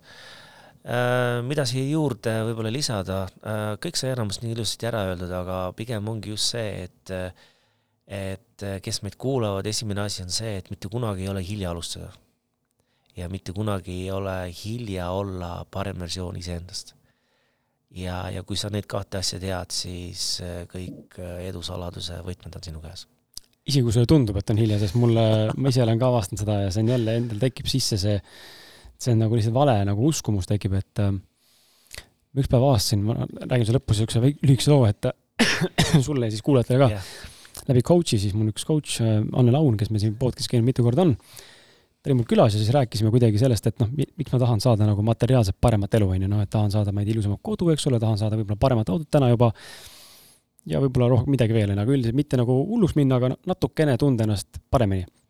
No siis me jõudsime selleni, ma tahan äh, tunda seda emotsionaalset tunnet, mis kaasneb sellega, et ümberringi asjad on ilusad, on ju. ma tahan tunda seda, et oo, kihvt, mõnus, ma saan nautida seda pehmet diivanit või ilusat autot, on ju ja siis ta küsis, miks kogu aeg. ja ma alguses ütlesin seepärast, no et see on nagu tore lihtsalt, vaata, noh, ma tahan saada mõnusat lihtsalt kaifi. ja siis ta küsis, miks ja miks ja miks ja lõpuks jõudsime siis selleni, et ähm, et mul tegelikult on see soov hirmust tulenev ja väga oluline on tunnistada seda, tol hetkel oli, nüüd ma saan tegelikult paremini aru sellest, see hirm on siis selle ees, et mul on, miks ma otsin materiaalset rikkust või sellist, ütleme nagu keskmisest jõukamat elustiili või sissetulekut. selle taga on hirm, et ma kardan, et kui ma seda ei saa, ma jään siia, kus ma olen täna olnud või siiani olnud, ehk mul on stagnatsioon ja ma ei arene. ehk siis ma eeldan, et see, kus ma täna elanud olen, on see, kus ma jätkan järgmised kakskümmend aastat, on ju, et nii ja nii, nii jääbki olema. ja siis ma saingi aru, et see on nii vale uskumus, et kui ma isegi ei suuda nagu näha seda, kuhu ma jõuan äh, või, või vahepalumisvaldkonnas, siis ainuüksi see teadmine, äh, täna siis räägime trenni, trennist lähtuvalt, on ju, ainuüksi see teadmine, ma tegelikult ju käin regulaarselt ja järjepidevalt kogu aeg toimetan, consistency on mul olemas, järelikult varem või hiljem siin füüsilises reaalsuses peavad tulema ka mingid tulemused, on ju, küsimus, mis tulemused, on ju, aga tulevad. et see ei ole paigalseis, igal juhul sa arened ja liigud. ja siis kadus mul see hirm ära, on ju, et okei okay,, ma tegelikult ju toimetan kogu aeg miks ma üldse kardan, et ma jään nagu samasse kohta kolmekümneks aastaks, kus ma juba olen siiamaani olnud. aga vaat meil on see, see on see, mida me oleme siiamaani teadnud ja näinud, mida me, kuidas me oleme olnud, kuidas me oleme teinud ja siis sealt tekib see platoo, et, et, et, et, et aga ma ei ole ju miljonär olnud, kuidas ma siis seda nagu noh, siiamaani olen ju niisugune pisku endalt, et kuidas siis võimalik on. et see on hästi huvitav, kuidas meil see aju, vaata see alateadvus nagu töötab, et Täpselt, hakkab kohe piirama sind. me ise loome endale piirad, piirad peale ja minu jaoks oli võib-olla see Inglismaal ära olemine, ta nagu näitaski seda, et esiteks äh, ükstapuha, kus kohas ma olen, ma saan alati hakkama. ja teine asi on see, et äh, vaata, me alati unistame, et oh kui lahe oleks seal elada või oh kui lahe oleks seal hoopis too, tolles kohas elada. ja ähm, me alati ütleme endale seda, et aga, aga noh, see ei ole võimalik, selles mõttes, et no mm -hmm. ei mhm. saa, ei saa, ma elan ju siin. aga kui sul tekib selline tunne, et ma võin elada ükstapuha, kus kohas ma tahan. iseasi on see, et kas mulle meeldib seal ja kas ma oleksin õnnelik. ja vaata, kui see tunne tekib, vot siis on see, et äh, see kogu maailm on lahti ja sa oled õnnelik selles kohas, kus kohas sa elad. nõus, täiesti nõus. kuule, aitäh sulle! aitäh sulle! väga vahva oli, äh, aitäh ka sulle, hea kuulaja, et sa meid kuulasid. ja egas midagi, tule kuula ka Senglensi alt ilmunud äh, podcast'i Gerdiga, kus me räägime siin natukene teiste nurkade alt ja võib-olla spetsiifilisemalt muudel teemadel, aga kindlasti natuke erinevad saated on. tule kuula ja, ja mine trenni ja kirjuta talle ja, ja, ja egas midagi, sinuga kohtume järgmises äh, saates. Äh, ja nii on, tšau-tšau! tšau!